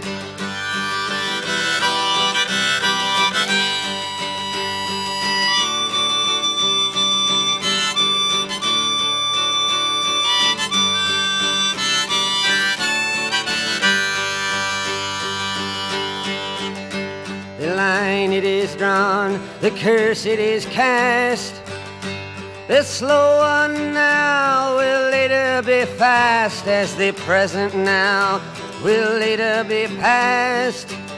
The order is rapidly fading And the first one now will later be last For the times they are a-changing.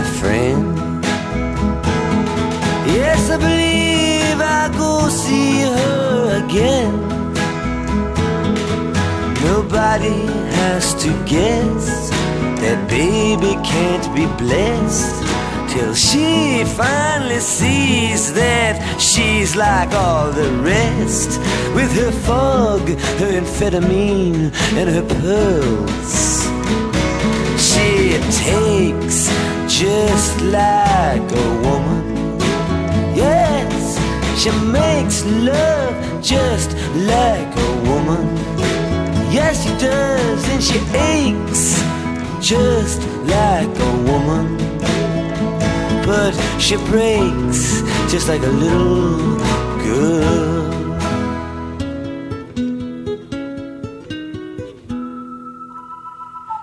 It was raining from the first And I was dying of thirst So I came in here.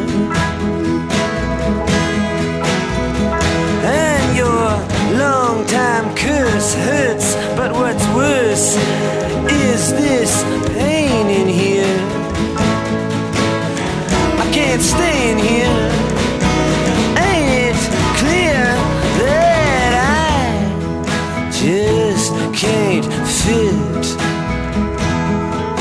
Yes, I believe it's time for us to quit.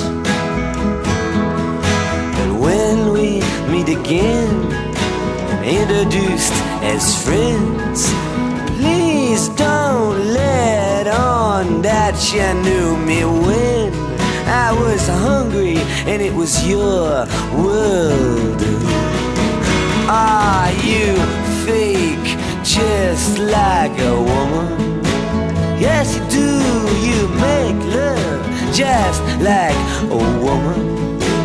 Yes you do. Then you ache Just like a woman. But you break Just like a little girl.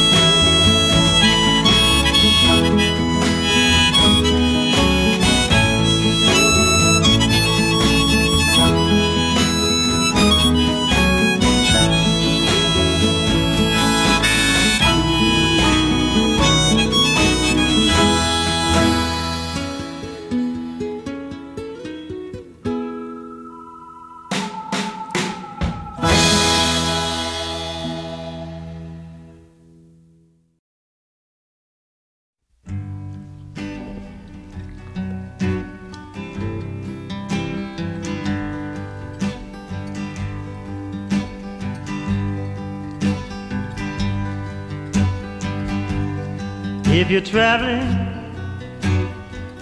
To the North Country Fair Where the winds hit heavy On the borderline. Remember me To one who lives there. For she once was A true love of mine see for me that her hair's hanging down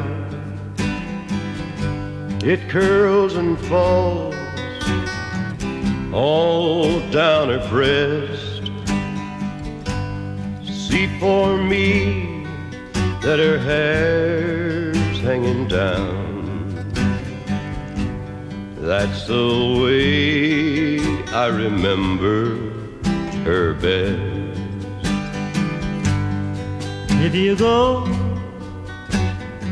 When the snowflakes fall When the rivers freeze And summer ends Please see for me If she's wearing a coat so warm To keep her from the house. If you're traveling in the North Country Fair Where the winds hit heavy on the borderline. Line. Please say hello to the one who lives there. For she was once a true love of mine.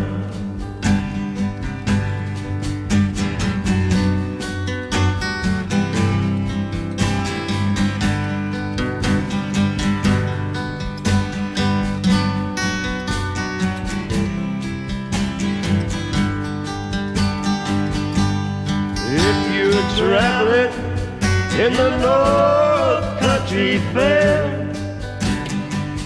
Where the winds hit heavy on the borderline. Remember me to one who lives there. For she was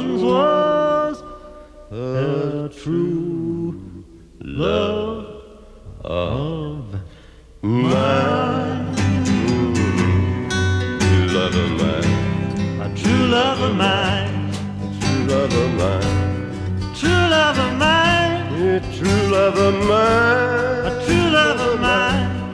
She was once a true love of mine.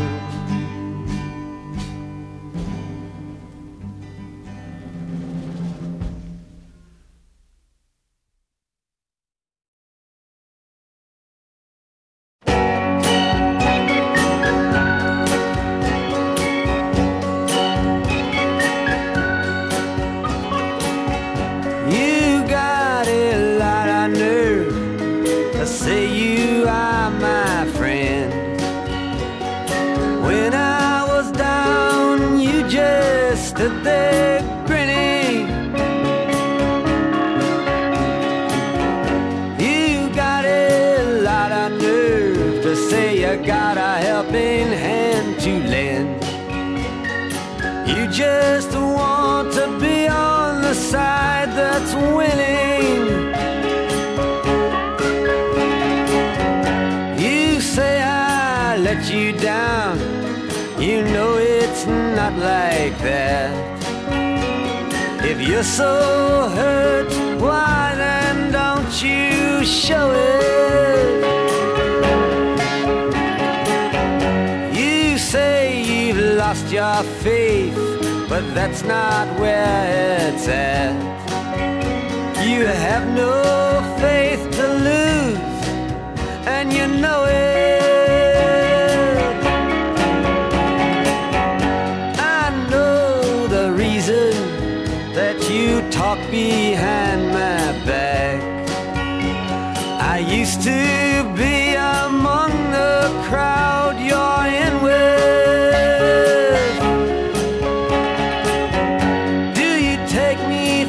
such a fool to think I'd make contact with the one who tries to hide what it don't know to begin with. You see me on the street. You always act surprised. You say how are you? Good luck. But you don't mean it.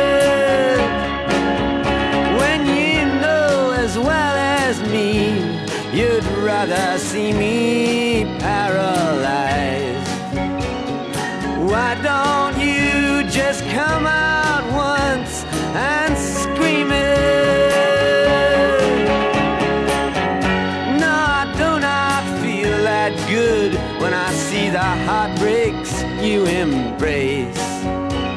If I was a master thief Perhaps I'd rob them.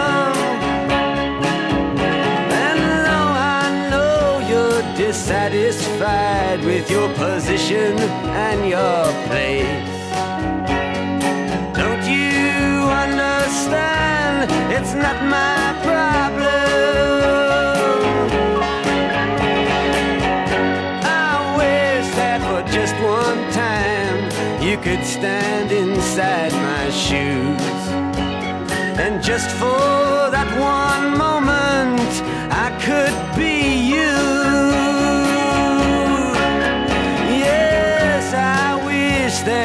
just one time. You could stand inside my shoes. You'd know what a drag it is to see you.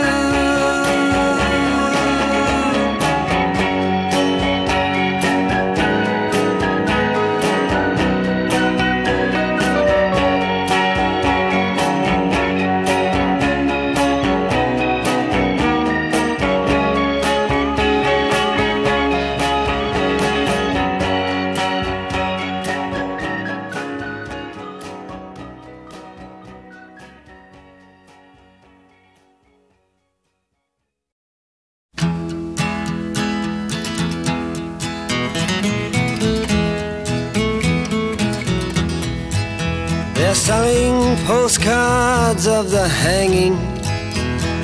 They're painting the passports brown. The beauty parlor is filled with sailors. The circus is in town. Here comes the blind commissioner. They've got him in a trance.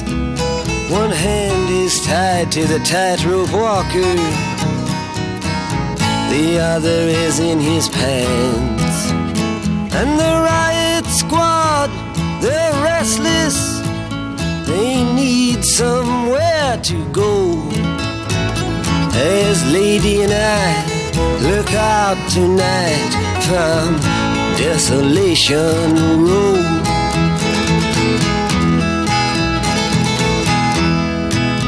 Cinderella, she seems so easy.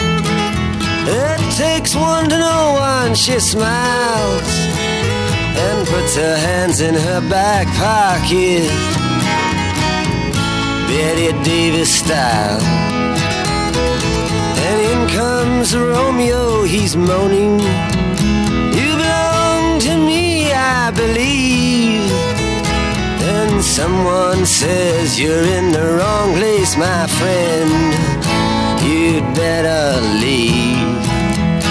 And the only sound that's left After the ambulances go Is Cinderella sweeping up on Desolation Road.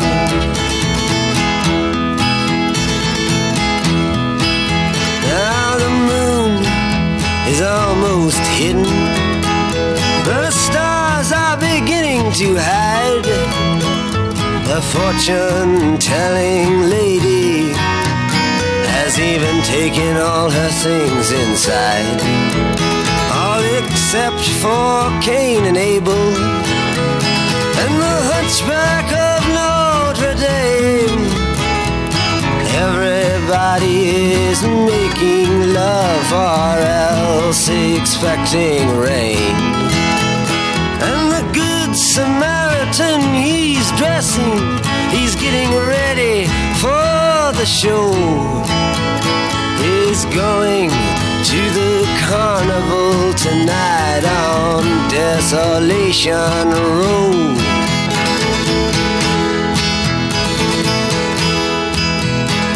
Ophelia she's neath the window.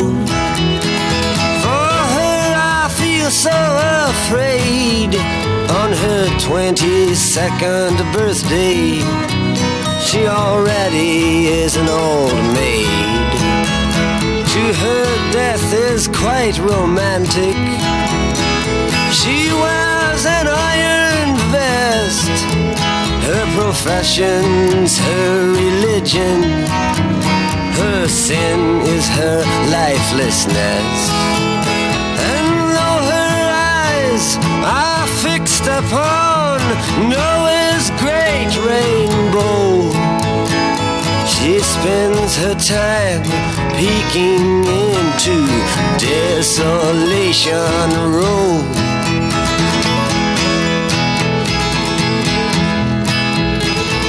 Einstein disguised as Robin Hood With his memories in our trunk passed this way an hour ago with his friend a jealous monk. Now he looked so immaculately frightful as he bummed a cigarette. Then he went off sniffing drain pipes and reciting the alphabet.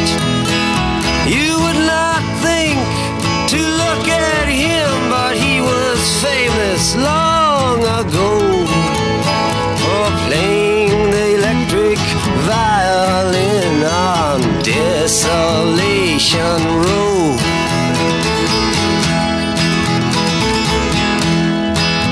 Dr. Filth, he keeps his world Inside of a leather cup But all his sexless patience They are trying to blow it up.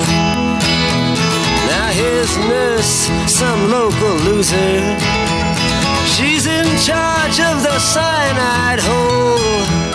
And she also keeps the cards that read Have mercy on his soul.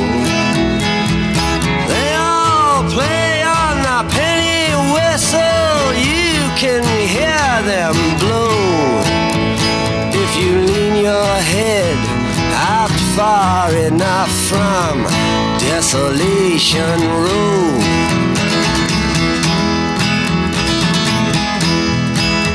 Across the street they've nailed the curtains. They're getting ready for the feast.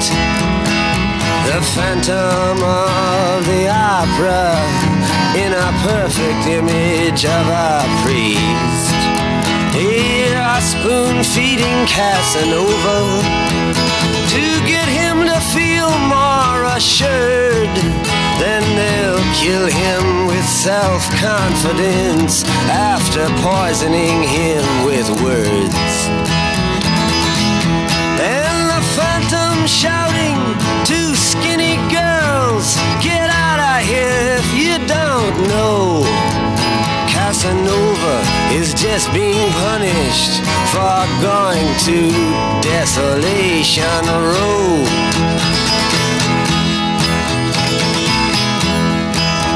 At midnight All the agents And the super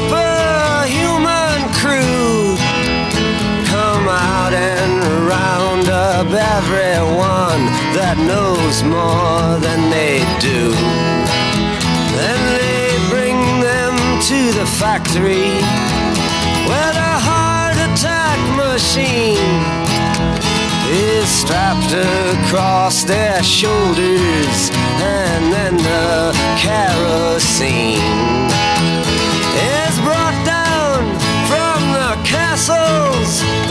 insurance men who go.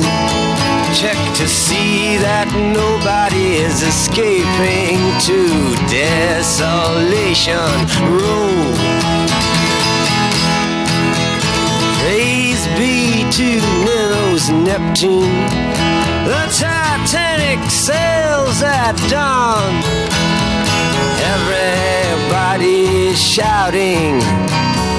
Which side are you on? And Ezra Pound and T.S. Eliot Fighting in the captain's tower While calypso singers laugh at them And fishermen hold flowers Between the windows of the sea Where lovely mermaids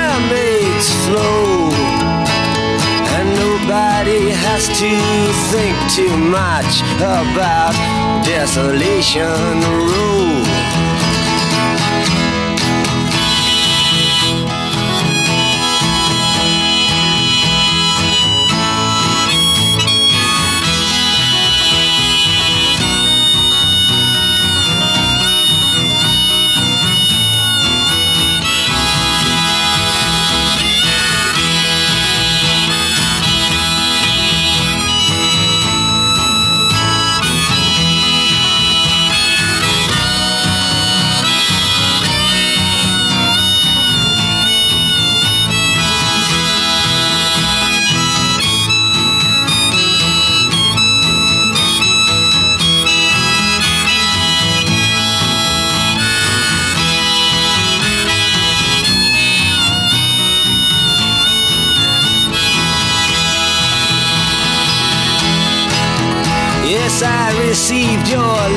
yesterday.